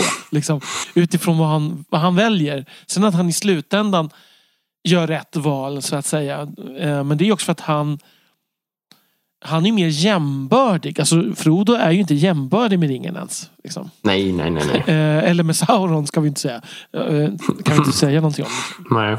En, en tanke är ju faktiskt att det är tvärtom här. Att eh, Harry växer fram till att göra rätt beslut mot slutet. Mm. Att, att ta rätt be, eh, beslut mot slutet. Medan däremot Frodo blir hjälte för att han tar rätt beslut tidigare. Mm. Och det är det som räddar honom när han inte längre eh, tar rätt beslut. Eller liksom när han inte längre... Är kapabel att välja. Ja, Mm. ja. Mm. Ja, men det är intressant. Absolut. Ja, verkligen. Det är precis, han har liksom räddat sin själ redan tidigare. ja. Mm. Men- Ehm, Sen så tänker jag också att det finns ju den här, apropå det och rädda sin själ, så finns ju Jesus-bilden väldigt mycket i både Frodo och Harry. mm. Alltså Absolut. Frodos offer för, för, liksom, eh, för eh, de goda folken och att han offrar sig själv. Då, liksom. ja, och Harry, det är ju ett tema som, som man nästan tror att det ska gå i mål hela vägen. Att han, alltså, jag trodde ju när jag växte upp att Harry skulle fortsätta vara död. Men å andra sidan så återkommer ju Jesus också. Men kanske på ett lite annat sätt. Men förstår ni vad jag menar? Liksom det slutgiltiga offret från Harry är att han ska dö för, för att liksom För sina vänner, ja. Ja, precis. Men sen så blir det ju inte riktigt så. Alltså han gör ju det men, men det blir ju ändå en sån Gandalf-återkomst. Och det blir inte på det sättet att, att han, han blir ju en vanlig människa igen sen på ett sätt som Jesus inte blir. Och ett sätt som Frodo inte heller blir. Frodo lämnar ju... Men som Ja. Gandalf blir. Jag skulle ju säga att Gandalf har ju mycket mer liknande eh, båge på något förlopp där. sätt. Ja. Mm, men, men å andra sidan så tänker jag att Gandalf är Gandalf försvinner ju sen ur berättelsen. Harry får ju ett vanligt liv sen. Vilket medans, Harry, alltså medans Gandalf gör sin rapture, reser västerut så, som Kristi himmelsfärd. Liksom, Ja. Mycket Ja. mer. Som det råkar vara just nu. När Ja, vi spelar in det här. precis. Sen finns det väl några till såna här uppenbara liksom, lika. Dementorerna påminner ganska mycket om Nazgulerna. Inte bara ganska mycket va? Ja, nej, men väldigt mycket. Alltså, det här med kåpor Och med liksom någon sorts... och- Ja, Ja. precis. Den här mörka påverkan och eh, någon sorts gastliknande aura och sådär. Liksom. Ehm, sen, så fin- och sen, alltså, sen finns det ju så mycket fler magiska mojänger, precis som vi sa förut i, i liksom Rowlings berättande. Men vissa saker, alltså som det här Mirror of... Uttalar hon det Erised? Eller alltså Ja. Desire Ja. baklänges? Så. Ja. Och The Pensive och allt sånt där. De är, väl, de är ju ganska lika Galadriels spegel och alltså i vissa aspekter sådär. Mm, vad man kan skåda. Och, ja, men, vet, men det behöver ju inte vara influenser. Sen läste jag faktiskt att eh, J.K. Rowling har sagt väldigt olika saker i olika intervjuer och olika så här, om sin relation till Tolkien. För hon har sagt ibland att jag knappt lä- hade knappt läst Tolkien, jag läste Hobbit när jag, alltså många år tidigare. Men sen har hon i andra intervjuer eller i någon biografi har det stått att hon var liksom en avid Tolkien-reader när hon var tonåring. Och så här, så att det finns väl, det verkar, hon verkar ha uppgett olika information kring det där. Kring sin relation till Tolkien och huruvida det finns en inspiration eller inte. Alltså någon slags inspiration finns det ju. Det Mm. vore jättekonstigt annars. Liksom, utifrån vad vi också sagt som likheter. Frågan är mest hur direkt den är. Liksom. Ja. ja men det kan ju vara direkt fast undermedveten. Mm, Eh, jo, absolut. Alltså jag, jag tänker att som du, sagt, som du tog här nu, dementorerna är ju så lika. Alltså klart att Mm. det måste vara inspirerat av det. För det finns inget annat det riktigt är så likt. Nej. och jag tänker också där, visst, alltså Dumbledores offer kanske, det skulle lika gärna kunna vara Star, alltså från Star Wars, tänker jag. Mm. Um, fast det är ju mer i handlingen, vad det, vad det kommer i handlingen mer lik Gandalfs. Ehm, Mm. Tänker jag liksom rent liksom i berättelsen. Och sen, för, för den scenen också, sen är ju filmerna klart påverkar ju mitt, för, för den scenen hur den är filmad är ju så otroligt lik. Liksom. Ehm, Mm. tycker jag. Det är ju hela, jag vet inte. Det, det, men det är klart att det är väldigt mycket som också inte är likt. Men jag tror att det är på ett annat, jag tycker på ett, ett annat plan det är likt än, än Star Wars. Liksom. Jag är, lite, jag är lite osäker. Menar du att eh, Harry Potter och Star Wars är likt? Rent film? Nej, förlåt. Eh, Gandalfs död. Alltså Dumbledores död och Gandalfs död är väldigt lika. På något, Visuellt. film. Ja, precis. Jag tycker det. Det är något med att det blir, går över i slow motion där och lite sånt där. Som är, Ja, okej. Ja. För jag tänker rent det här... Eh, de blir båda... Alltså, eh, Dumbledore ser till att eh, eh, Harry inte kan göra men ser när han dör eller tar del av när han dör. Mm. Det är ju väldigt likt, tycker jag, i Star Wars. Eh, Mm. där han liksom inser... Här, eh, här blir, blir du åskådare till vad jag gör. Liksom. Eller vad, vad, vad som händer. Mm. På ett sätt är ju lite likt Gandalfs också med Fly You Fools och liksom det här är bortom era krafter och all, de ser honom på avstånd. Alltså, hel, Ja. alltså, mm. Jo, absolut. Så mm, vissa paralleller finns det ju säkert där ändå. Jag vill bara flika in här att om, om jag lät lite sur här så, så är det ju inte så att jag hatar Harry Potter för den som lyssnar. Eh, jag bara tycker att det ger mig någonting helt annat än Tolkien. Um, så. Jag tycker ganska mycket om Harry Potter men på ett rätt annat sätt.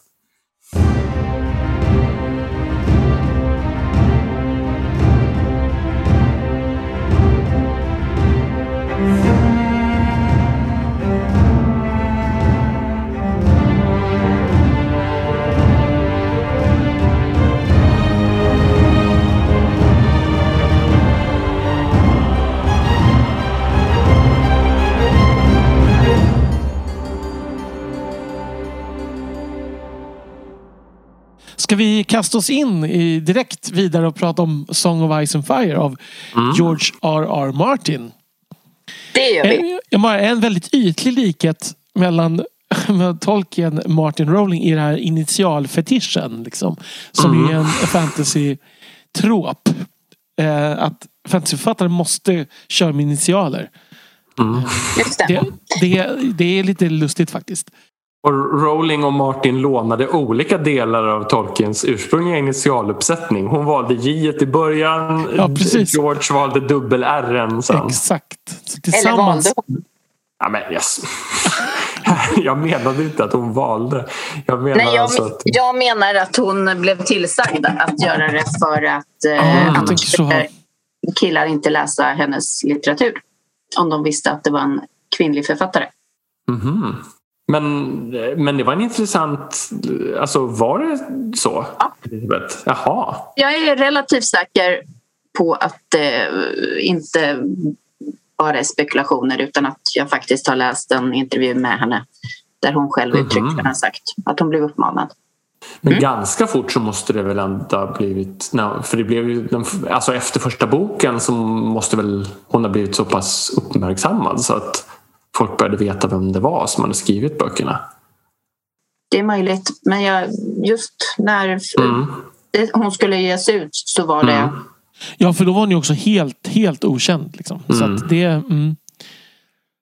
lite Ja. ocharmigt kan jag tycka att det Ja, lite är så. ocharmigt. Men det, är Det får man säga. så. Det tycker jag är lite underdrift va? Alltså lite oskärmigt. Ja, det, mm, väldigt oskärmigt. Som tur var så visade det sig att folk fortsatte läsa böckerna trots att de var skrivna av en kvinna. I, i de stora citationstecken här. Jag hoppas ni hör ironin i min röst. Mm. Det är tur.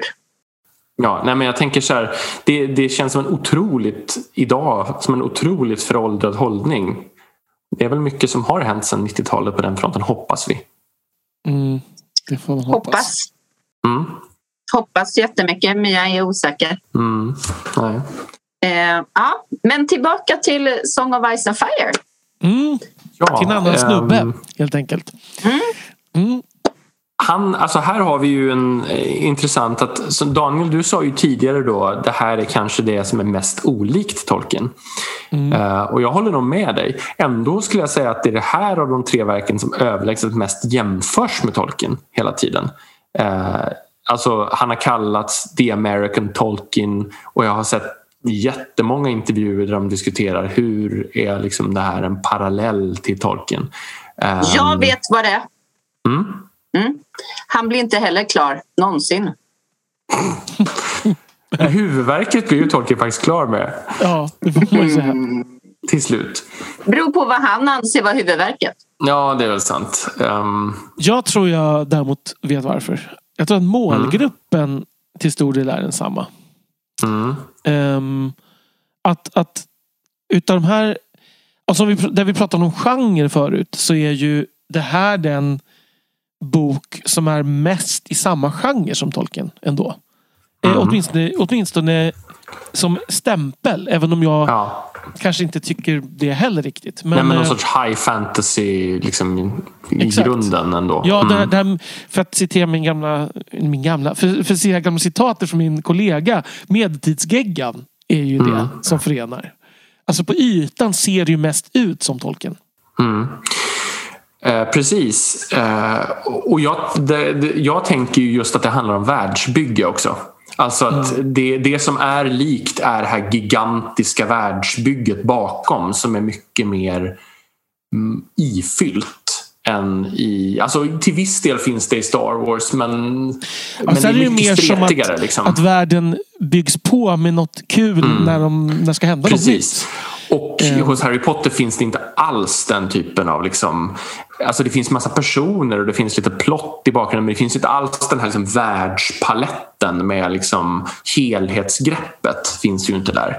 Ehm, och, men det intressanta skulle jag ändå säga är att de här världsbyggena är väldigt olika. Um, alltså det finns en massa liksom, eh, regentlängder och bakgrundshistorier och folkslag och liksom sånt alltså, som är likt. Men de är inspirerade av väldigt olika saker. Där Tolkien liksom är inspirerad av mytologi och religion så är ju Martin inspirerad mer av, av liksom historia. Mm. Eh, och Tolkien är idealistisk är Martin cynisk och så. Mm. Milt sagt. Mm. Men kan det inte också vara att Martin, alltså om jag backar till det du sa, att Martin är väl den som kanske ändå mest pratar om tolken själv? Ja, fast han blir frågad mest skulle jag också säga faktiskt. Jo, jo, För han, han får väldigt ofta frågan liksom, hur är du inspirerad av Tolkien och han får jämföra. I... Jo, absolut. Jo, men så är det ju. Men, och då kunde han ju välja att säga... jag Alltså han skulle kunna välja att säga nej, jag bryr mig inte om tolken. Men riktigt så svarar han ju inte. Liksom. Nej, men det är ju för att han talar sanning tänker jag. Ja, Att- ja, precis. Det Det är, är väl det här gamla liksom, nej men det är väl det här gamla grejen med, med att liksom, när man är i fantasygenren så måste man förhålla sig till tolken på något Mm. sätt. Ehm, och att det vet du, att och antingen så förhåller man sig genom att härma eller så förhåller man sig genom att göra tvärtom. Eh, så. Och att Martin pratar väldigt mycket om hur han har liksom medvetet valt en annan väg. Men han har hela tiden reflekterat över hur gör tolken det här? Hur vill jag istället göra det? Alltså, han verkar ha haft den tanken i huvudet rätt mycket. Alltså jag tänker så här nu när jag, när jag... Det är som att George. R. Martin har tagit scenerna mellan Pippin och Bergil och scenerna där de kastar huv, med huvuden med katapulter över murarna i Minas Tirith. De scenerna har han sen byggt en hel värld kring. Ja. Det är för att det är den typen av... För eh, om man vänder på det då. Det är ändå tolken som liksom... Eller inte enda som påminner att ta i. Men, men det som påminner mest i stil är de scenerna tycker jag. Att Någon slags var, vardag i Minas Tirith och krig i Minas Tirith. Liksom, Mm. Är det som påminner mest om George R. R. Martin för mig. Mm. Ja, och sen tänker jag också det här det, det som blir som tydlig skillnad är ju det här att den enda som jag upplever i Song of Ice and Fire som liksom har en moral och som har eh, de här höga idealen han dödas i första liksom, boken och sen eh, är vi av med honom. Liksom, för han, och han dör till stor del på grund av det här dessutom. Mm. Och jag undrar om inte det delvis är en medveten liksom, eh, Jo, jag- ja, blinkning. Den känslan, Liksom. Mm. ja, den känslan har jag. Eh, för att man verkligen, som du säger, man har, man har ett förhållande till eh, hur, hur det traditionellt är och man gör en skillnad och man vill göra sin egen grej.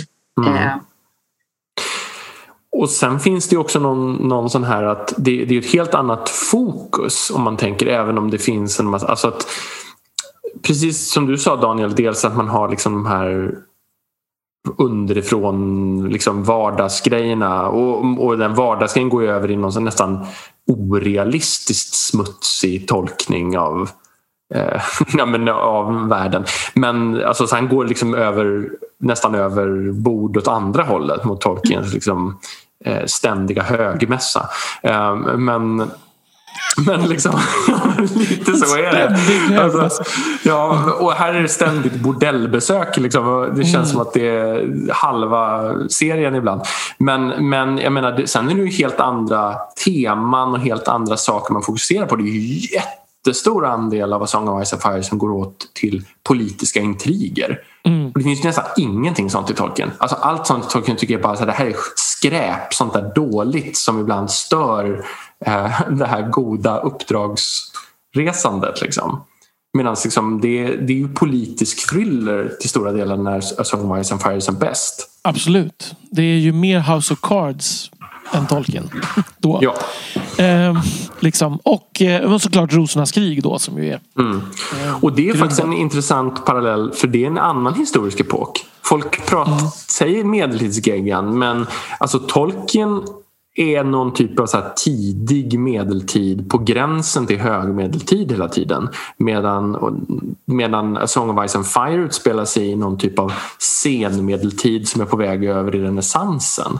Så det är, det är rätt olika samhällen. Det är väldigt mycket mer människor eh, överallt i A Song of Ice and Fire. Alltså mycket större befolkningar, mycket mer utbyggda handelsnätverk. Det är mycket såna här saker som liksom är en senare historisk epok.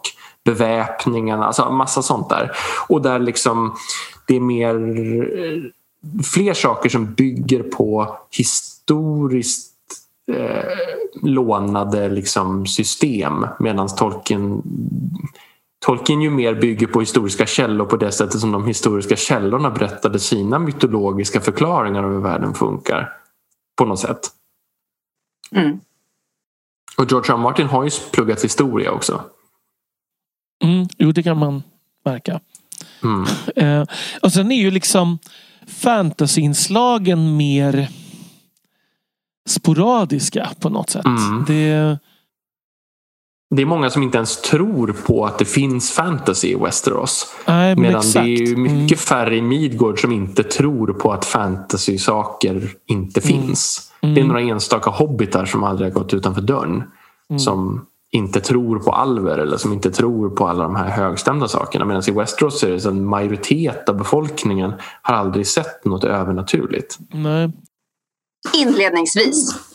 Ja, precis. Men det är ju det som på något sätt är den stora chocken också. Liksom, att det, man försöker, måste försöka, det är ganska långt in i berättelsen. Alltså när det Ja.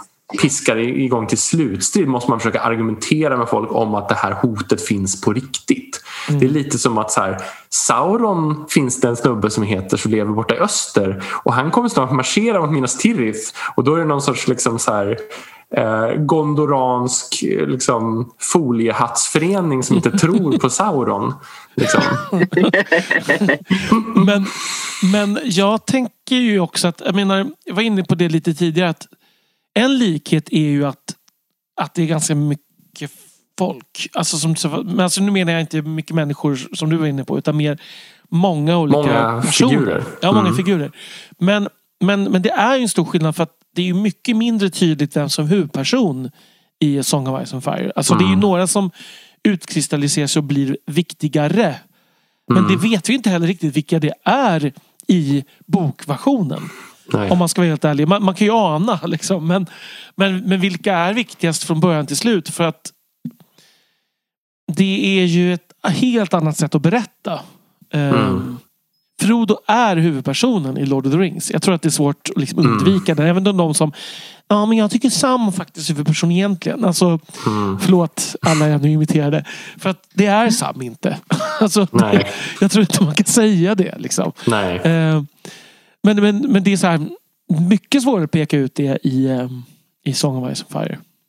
Men sen så tänker jag också att han... Eh, där försöker han också på något sätt vara historiskt realistisk för att det blir ju så att han ibland nästan kapar eh, fruktbara plottrådar i no, in, in the name of historisk realism på något sätt. Att liksom personer som har varit väldigt viktiga plötsligt dör för att så fungerar det i verkligheten. Det finns ju ett gäng såna här liksom personer som man tänker ska ha en viktig roll och då menar jag inte bara liksom Ned utan det finns ett gäng andra där man tänker att den här tråden kommer leda vidare någonstans och sen dör de liksom off camera.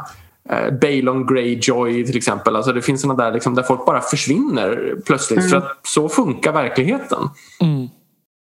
Alltså, jag- jag måste ju säga att den serien är ju den som...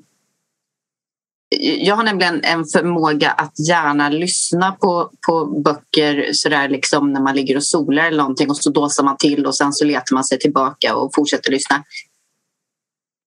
Klurigt med den där. Eh, för att där kunde man verkligen försvinna totalt och inte förstå någonting. Var fanns jag? Vad har hänt? Eh, vilka är de här människorna som de pratar om? Ja, precis. När Ja. kom de in och var tog den där andra vägen? Mm. Eh, så att, att eh, ja, Nej, persongalleriet i den den är ju någonting som inte är jämförbart överhuvudtaget skulle jag säga. Nej. Mm. Alltså till och med Silmarillion bleknar ju. Eh, ja, Ja, i, definitivt. I liksom viktiga, alltså Tolkien har ju säkert, undrar om man har fler namngivna personer om man skulle slå ut över liksom alla. Tveksamt. Alltså om du tänker nu alla de här bakgrundsböckerna som, Ja, som nej, han har släppt nu också. Det är otroligt mycket namn. Mm. Och då tycker jag ändå jag har ganska bra koll på Tolkiens många namn. Så de är i alla fall jämförbara i Mm. namnmängd. Men, men, det, men oavsett det, så när om det handlar om personer som man liksom ska ha någon slags relation till så är det ju Mm. oändligt mycket fler hos Mm. George R. R. Martin. Liksom. Ja, jag läste just här bara någon slags Twitter-genomgång när de... Alltså att, att tv-serien blev så pass bra som den blev är ett, är ett mysterium in, insåg jag. Med tanke på att de här, eh, som jag har glömt vad de heter, Wise och Benioff, heter de så? Mm. Som gjort serien. Mm. Att de verkligen inte visste någonting. På riktigt. Innan. Mm. Och visste inte hur man, hur man bygger upp en story eller någonting. Alltså det, de hade in, ingen som helst koll. Eh, så att jag måste säga jag är sjukt imponerad utifrån det. Att det ens... Mm. Och sen tappar de ju totalt intresset. Alltså det har, så är det ju. De vill ju göra Star Wars, fick jag, har jag förstått. Alltså någon av eh, de senare filmerna. Och det var Mm. därför de skyndade på Game of Thrones slutet. Så. Att gjorde så få, så få avsnitt. De var, vi är klara med det här nu, typ. Vi vill inte göra det här mer. Men det intressanta var att för att den säsongen blev så ehm, kritiserad Dålig. så fick de inte det uppdraget sen. Så att det straffade sig ju. Liksom. Ehm, nej, men tydligen, och jag har inte sett det, men tydligen fanns, det finns det här bakom intervjuer där de, de förklarar hur de har tänkt bakom varje avsnitt. Som är så här, bara, men hur är det ens möjligt att ni inte själva förstår vad det är ni berättar om? Liksom? Mm. Ehm, så det är ju ett, det är ett mysterium att det ändå blev så pass bra som det blev. Får man säga. Mm.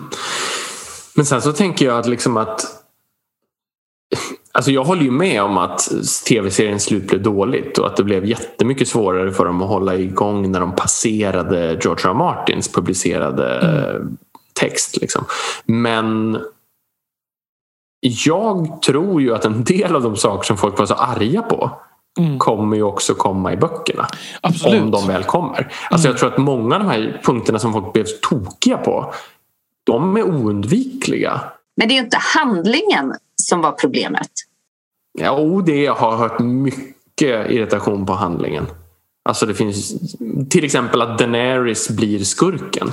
Det, det är ju en av de största irritationsmomenten från internet. Men problemet var ju att det, alltså för mig, jag håller med fullständigt med. Men problem, det stora problemet var väl att det gick på typ ett avsnitt. Eh, att Ja. det blev det. Eller på en Ja. säsong. Men liksom, Ja, Nej, fast, ett avsnitt. ja, hon, det här är ju lite så här, hon, hon rostar folk levande i fem säsonger och sen bara va?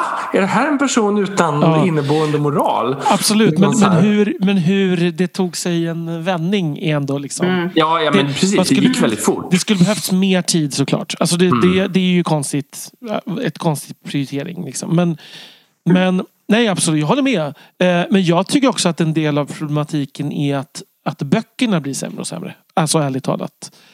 Ehm, Jag tycker ju att första... Och det är på ett helt annat sätt än hos Tolkien. För jag föredrar ju Fellowship of the Ring också. Men där är det ju en berättelse som hänger ihop. Liksom. Mm. Jag tycker ju att han kastar ut så mycket trådar George R. R. Martin så jag förstår att han har problem att knyta ihop det. Men jag, första boken är ju för mig solklart bäst. Liksom. Mm. Det håller jag i och för sig med om. Men... Har, har, har ni sett den här hysteriskt roliga hästliknelsen som är mellan dem? Ja, jag har sett den. Däremot så, den är ju tv-serien. Däremot så verkar ju de tycka att typ slutet av säsong 6, för det blir ju en smal strimma där som är så fantastiskt snygg, att den skulle vara bättre än det som kommer innan och det tycker jag är lite konstigt. Ehm, men så jag köper inte den rakt av. Fast jag, jag vet inte om jag håller med dig Daniel hela vägen. Jag förstår ditt perspektiv. Jag tycker också första boken är bäst. Men jag tycker till exempel att Eh, alltså jag, var, jag läste femte boken i ett streck. Liksom. Eh, jag tyckte fyran var lite seg. Men, Men det är ju fyran och femman sker ju lite parallellt. Så här, eh, mm, precis, men femman, alltså jag köpte den på midnattssläppet sommaren 2011 och liksom plöjde den på några dagar. Eh, så där hade jag verkligen inte tappat intresset. Så. Nej, nej men det, det hade inte jag heller. Men, jag, men Det är egentligen inte det jag menar. Men jag tänker berättelsemässigt så är det som Mm. att var, var ska det här ta vägen? Och hur ska han få ihop det? Alltså, det var, det är på ett sätt, det var ju tur för tolken att han ändå tvingades skriva klart boken Mm. innan den skulle ges ut. Och han liksom revidera under resans gång. Liksom. Men det var väl baksidan lite med den här kaleidoskopgrejen eller vad man ska kalla det som Martin gör. Att det här, Mm för, för skulle man inte på något sätt, nu, nu, nu spånar jag väldigt fritt här, man tänker, man brukar ju säga att Walter Scott introducerade det här i Ivanhoe, eller liksom, han var en av de som introducerade det här med att liksom bryta upp berättelsen i olika fokus. Till exempel det här när liksom eh, hornstöten som avbryter flera olika scener i Frontebuffs slott till exempel. Och jag menar Tolkien är ju ett av de exempel som man brukar prata om liksom, där det bygger vidare på när berättelsen splittras upp i olika grenar och följer olika delar av brödraskapet. George R. Martin har ju tagit det här till någon sorts helt extrem eh, jag menar, han, vad är det han har? 50 point of view characters vid det här laget. Jag menar, alltså, något upp, nu höftar jag bara rent, fritt men det är väl lite där också att han, det blir ju lite svårt att veta så här, vilken berättelse ska vi egentligen följa och hur ska mm. han någonsin kunna liksom skriva ihop alla de här sakerna? För det är ju det lite som känns i tv-serien att vissa saker binds så fort och det blir nästan lite antiklimaktiskt jämfört med de här gigantiska uppbyggnaderna. Ja, nej, det kommer vi ju aldrig få veta. Säger jag. Nej, alltså det, men det, det är nog sant. Det känns ju mer och mer osannolikt. Men du tror inte att han kommer att låta någon annan skriva klart det då? Jo, det är okej. Okay, okay. Om vi säger på det sättet då. Men det, jag... Ja. För det hände ju med Jordan till exempel. Jo, så ehm. kan det ju bli.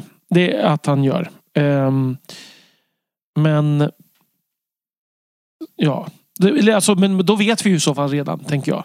Alltså, jag tror ju som du att tv-seriens slut är åtminstone ganska likt eh, böckernas ja. tänkta slut. Så att i så fall vet vi redan hur det slutar. Men det är inte riktigt det jag menar. Mer med alltså, hur ska han knyta ihop det? Mm. För att om, jag tror inte han, jag tror fortfarande inte att han vet det. Även om han sitter och skriver fortfarande. Jag tror på ett sätt har han också tappat sugen lite grann. Att han vill mm. egentligen inte skriva klart det tror jag. Nej. Men, mm. Handlingen i stora drag kom ju ut och då blir det inte lika Nej. Nej. lika intressant på något vis antar jag. Det är tråkigt ju. Alltså det, men det finns ju väldigt många andra fantasy lät som public service här. ja, det är klart att den är bra. Alltså, jag, jag kommer låta konstigt men och så mycket fantasy har jag kanske ändå inte läst. Låter konstigt men så är det. Du har läst jag, ganska mycket fantasy ändå Daniel? Ganska mycket men många har läst väldigt mycket mer. Mm. Um, så är det. Men det tror jag gäller för mig också. För att jag tror att jag väljer bort allt som inte verkar tillräckligt bra innan. Och jag tror att vissa andra läser lite mer allting och ser om de hittar något. Jag tycker ju inte att George R. Martin jag vet inte, är näst bäst. Liksom, eller vad man ska säga. Så jag tycker att det finns annat som är mycket bättre. Så att jag, även om det är tråkigt på så många sätt liksom, att inte få läsa klart det. Så finns ju andra serier som är klara som man kan, jag kan läsa. Eh, om, om inte annat. För mig är han nog tvåa ändå. Eh, I fantasy. Eh, men det är ju det är en tvåa så det här som komma två efter Sovjetunionen i hockey på 80-talet. Liksom. Um, mm. Om man säger det. Tolkien vinner 13-1 så att säga. Mm. Um, men Mm. Men jag tror ändå om man tänker så här, mina läsupplevelser i fantasy så skulle jag säga att de är näst störst av Martin ändå. Mm. Men jag undrar om inte det var, beror på när i livet man börjar läsa det lite också. Alltså inte, mm. inte bara såklart, det, det menar jag inte. Men mina starkaste fantasyminnen är ju ändå från typ när jag var tonåring och gick på skolbiblioteket och lånade böcker. Så. Och de kommer ju förbli de starkaste minnena Tror jag, oavsett ja, vad jag läser fast jag nu. var inte tonåring när jag läste Martin heller. Nej, alltså, nej. Jag, jag, jag var ja, jag var i typ 20 sådär. Så det var inte riktigt den här bokslukarfasen ändå. Nej. Det var runt tiden när CV-serien skulle komma ut. Mm. Första men jag var, jag liksom... Ja, men jag var ju över 30. Alltså jag tror ändå att det är en skillnad mm. i, mm. i det. Jag undrar om det hade varit annorlunda om jag läste nu. Men kanske. Men det är intressant ändå för jag läste ju Harry Potter medan jag växte upp. Mm. Och det var ju bra. Men det gjorde aldrig det där avtrycket. Men det är nog en personlighetsgrej tror jag. Alltså, ja, för vad... det måste ju... Ja, det är klart. Jag menar inte att allt jag läste gjorde det intrycket. Nej, uh, nej, jag förstår. Men, liksom... uh, men jag kommer liksom alltid... Jag brukar ju nämna det. Men jag kommer alltid tycka att Tad Williams är väldigt mycket bättre. För att det är så mycket som dessutom är likt. Och det har George, R. Martin ju själv sagt att det är hans största inspirationskälla. Eh, mm. och att, för att han menar att det är en fantasyvärld som är mer verklighetsnära. Även om den, är, den befinner sig mitt emellan Tolkien och George R. R. Martin skulle jag säga. Men det är så otroligt mycket som han har liksom kalkerat därifrån. Som jag märker eftersom jag läste om det först. Och mm. jag kommer alltid tycka att det är bättre då. Liksom. Mm. Jag fått så här lite eh, minnen tillbaka från när, när serien hade börjat och vi skulle eh, träffas och käka lunch någon gång. Och mm. ni försökte att inte diskutera det här eftersom jag inte hade sett det. Ja, just det. Mm. Det gick sådär. Ja. ja. ja. Det, det, är ju så, framförallt när det, just på grund av det här politisk thrillerinslaget så fanns det ju väldigt mycket hur tror vi att det här ska gå mm. eh, inslag. Och, och, det är ju faktiskt en intressant skillnad också. Mm. Det finns ju inte riktigt där hos Tolkien. Alltså, det är klart att man ibland undrar hur de ska gå men det har ju mycket mer den här klassiska hjältecykeln ändå i mm. sig. Mm. Nej, jag tyckte det var spännande för det är ju precis en deckare första boken. Mm. Um, ja. det, det är det som jag tycker är så coolt. Um, faktiskt. Um, med den. Precis. Eh, jo men verkligen. Nu har vi ju inte gjort så mycket så konkreta jämförelser men eh, här, alltså mot till Tolkien eller något av de andra där, där vi pratar mycket mer personer och bilder och så här, men det känns inte lika relevant heller tycker jag. Nej. Ehm, jag kan inte hitta lika mycket sådana här personjämförelsepunkter och dessutom så jag vet inte, jag tror det blir mer sökt eftersom berättelsen är så spretig eller utförgrenad så, så, så har man inte folk som fyller samma roller på samma sätt som i de andra där det är mycket mer fokuserat. Det känns ju verkligen inte. Det enda du kan hitta det är möjligtvis massa grima eh, personligheter här och där. Mm. Jon Snow möjligen, alltså när man arvtagare liksom framträdd ur skuggorna, något sånt. Alltså, eh, med ett liksom ärvt svärd med mytiska egenskaper. Och så drakar, att det finns drakar. Men, men det intressanta är att de lades ju till väldigt sent.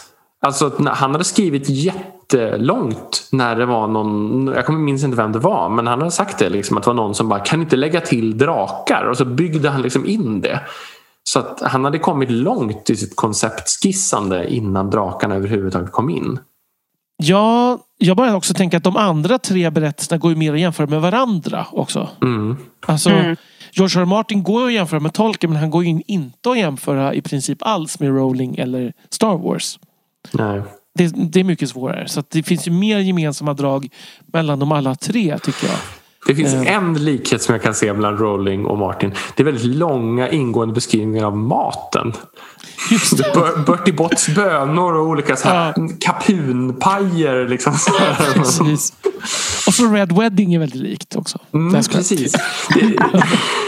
det, det, var ju väldigt roligt sådär. Det var ju när J.K. Rowling eh, twittrade på så årsdagen av slaget om Hogwarts någonting om att hon tyckte det var så jobbigt att hon börjat döda så många karaktärer. Mm. Um, och då var det någon, ett fake-konto som låtsades vara George R. Martin som, som twittrade Oh you sweet summer child. Liksom. Ja, så, ja, som kommentar till det. Liksom, Ja. När du tyckte du var mörk. Liksom, ja. Ja. ja, allt är relativt.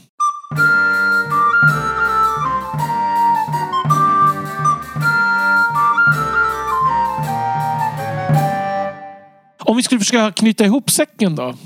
Ja. Mm. Um, nu har vi ju alltså valt de här som, jämf alltså, som symboler kan man väl säga för, för Tolkiens inflytande på på genren. För annars skulle man ju sluta i en ändlös jämförelse av tiotals eller hundratals verk som kommer efter honom. Och det, där skulle vi aldrig få någon ände. Men...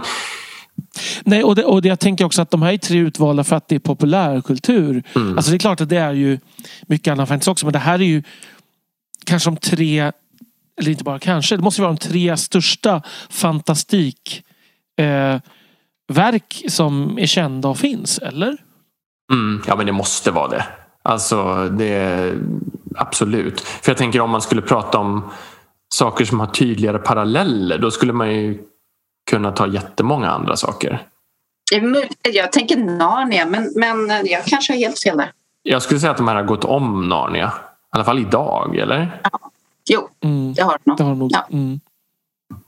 För, men... En del skräck ja. möjligen skulle kunna vara, om vi nu mm. räddar det, men mm. om vi lämnar skräcken därhän. Ja. Mm. Um, så är det nog Precis, så. men den också balanserar ju lite på gränsen till den här större genren speculative fiction eller fantastik som vi pratar om. Alltså det, mm. En del skräck som är mer allmängiltig går ju faktiskt utanför där. Mm. Kan man säga. Men jag tycker det finns ett roligt citat av Terry Pratchett som jag kanske har refererat till någon, för, någon gång förut som jag tänkte jag skulle vilja läsa upp här som skulle kunna hjälpa till att knyta ihop lite grann. Mm. Det går så här. J.R.R. Tolkien has become a sort of mountain, appearing in all subsequent fantasy in the way that Mount Fuji appears so often in Japanese prints. Sometimes it's big and up close, sometimes it's a shape on the horizon, sometimes it's not there at all, which means that the artist either has made a deliberate decision against the mountain, which is interesting in itself, or is in fact standing on Mount Fuji. Mm. Det, det är väldigt sant. Ja, det här är ju Terry Pratchett liksom hans mest geniala eh, ådra. Liksom. Mm. Mm. Bra formulerat. Mm. Och, var, och var befinner sig de här då om man jämför med Mount Fuji? Um, jag skulle att, säga att Martin är den där sista som har made a deliberate decision against the mountain. Alltså att han har mm. liksom hela tiden han har förhållit sig och valt bort mm. Tolkiens hela tiden. Men ingen av de andra två står ju helt heller på berget. Nej, jag skulle säga att sometimes it's a shape on the horizon i båda de två. Mm. Eller? Att det, ja, liksom, det syns mm. i bakgrunden men det är inte så likt. Men, men sen kan man tänka att en del andra saker som Shannara-serien och sådana där saker. Där är det mer att det bara dominerar mm. eh, hela bilden. Exakt. Ja, tydligare. Ja men precis, sometimes. Ibland så är det ganska tydligt, ibland så mm. inte. Ja. Men sen tänkte jag också på förresten en sak som vi inte nämnde med, med Tolkien och Martin som man ändå kanske måste säga är det här med, med död. Alltså att Tolkien anklagas ju ofta för att ingen någonsin dör och försvinner utan alla kommer tillbaka och alla liksom så här. Och det är ju lite faktiskt samma sak med Star Wars. Att liksom mm. alla blir force-spöken medan Martin bara klyver alla till höger och vänster och tar bort dem ur historien. Vi, alltså vi rörde ju det lite men det blir ändå storymässig skillnad tänker jag. Det finns ju inte heller någon liksom andlig dimension hos Martin. Nej. Eh, alltså det finns inte ett djupare moraliskt andligt budskap på det sättet. Liksom. Nej. Det är ju nästan som att man kan, alltså att han tar en antireligiös position. Mm. Där liksom religionerna står mot varandra och det finns vissa kanske krafter på något sätt men de är inte alls, det finns ingen sann religion. Det är rätt nihilistiskt får man ju säga. Mm. Um, Precis ganska mm. hårda religioner, de som är. Och, och mm. då kan vi kanske landa i också att, lite som jag var inne på förut, att ingen Tolkien hade säkert inte tyckt om någon av de här. Eh, av väldigt olika anledningar. Han tyckte inte om någonting. Nej, precis. Nej. Exakt. Um, så, så det är ganska att sammanfatta. Vi Tolkien... säger ju alltid det hela tiden. Liksom, ja. Tolkien hade ju inte gillat det här. Men det är liksom, ja. han var ju så otroligt så här kategorisk ibland i sina omdömen om saker. Mm, mm. Ja, men av helt olika skäl hade han inte gillat det heller. Mm. Alltså att, jag tror han inte hade, som sagt det här kvasifilosofiska i Star Wars hade han avskytt. Han mm. hade tyckt att Eh, det här som du var inne på, det här med liksom, eh, alla dessa kentaurer och sånt. Det var för spretigt hos Rowling. Mm. Och, det, och Martin hade han inte gillat för att det var för nihilist, nihilistiskt tror jag. Var Den hade liksom... han nog tyckt sämst om tror jag faktiskt. Jag tror han hade klassificerat som orkwork. Ja, alltså, liksom... ja precis. Åtminstone... Ja, jag, tror han, jag tror han hade tyckt om eh, en hel del av det hos, i Harry Potter ändå. Men just de bitarna hade han väl stört sig på. Det... Mm. Jag tror också att han nog hade uppskattat Harry Potter mest av de tre. Mm. Mm. Men på samma sätt som han hade invändningar mot Narnia så mm. skulle han ha haft invändningar mot Harry Potter. Men mm. fortfarande eh, liksom hålla det högre än mycket annat. Det mm. tror jag. Men det är nog den moraliska dimensionen. Vi, vi började ja. ju prata om det på något sätt. Men därför tror jag han skulle tyckt sämst om Martin. För han skulle mena att det här är liksom på något sätt nästan att rulla sig i dåliga saker Ja, av att det är dåliga syften. destruktivt Mm. och att det leder till en sämre värld. På Mm. något sätt. För att människor inte längre har något, något högre att syfta mot. Liksom. Och det är ju ändå intressant som någon sorts tidsreflektion. Är det inte det? Alltså Martin blir så stor i en mycket mer cynisk tid. Jo. Medan Tolkien blir stor i liksom hippie-eran och framtidsblickandets epok på något sätt. Ja, Alltså, men han blev ju sen stor i en cynisk tid också. När filmerna kom. Jo, det är sant. Men jag tänker ändå att det också till stor del bygger på att han redan var stor. Jag vet Ja, inte om Men jag undrar om man inte det- prickade Mm. in någon slags post 9-11 liksom Mm. ehm, längtan också. Ja, kanske.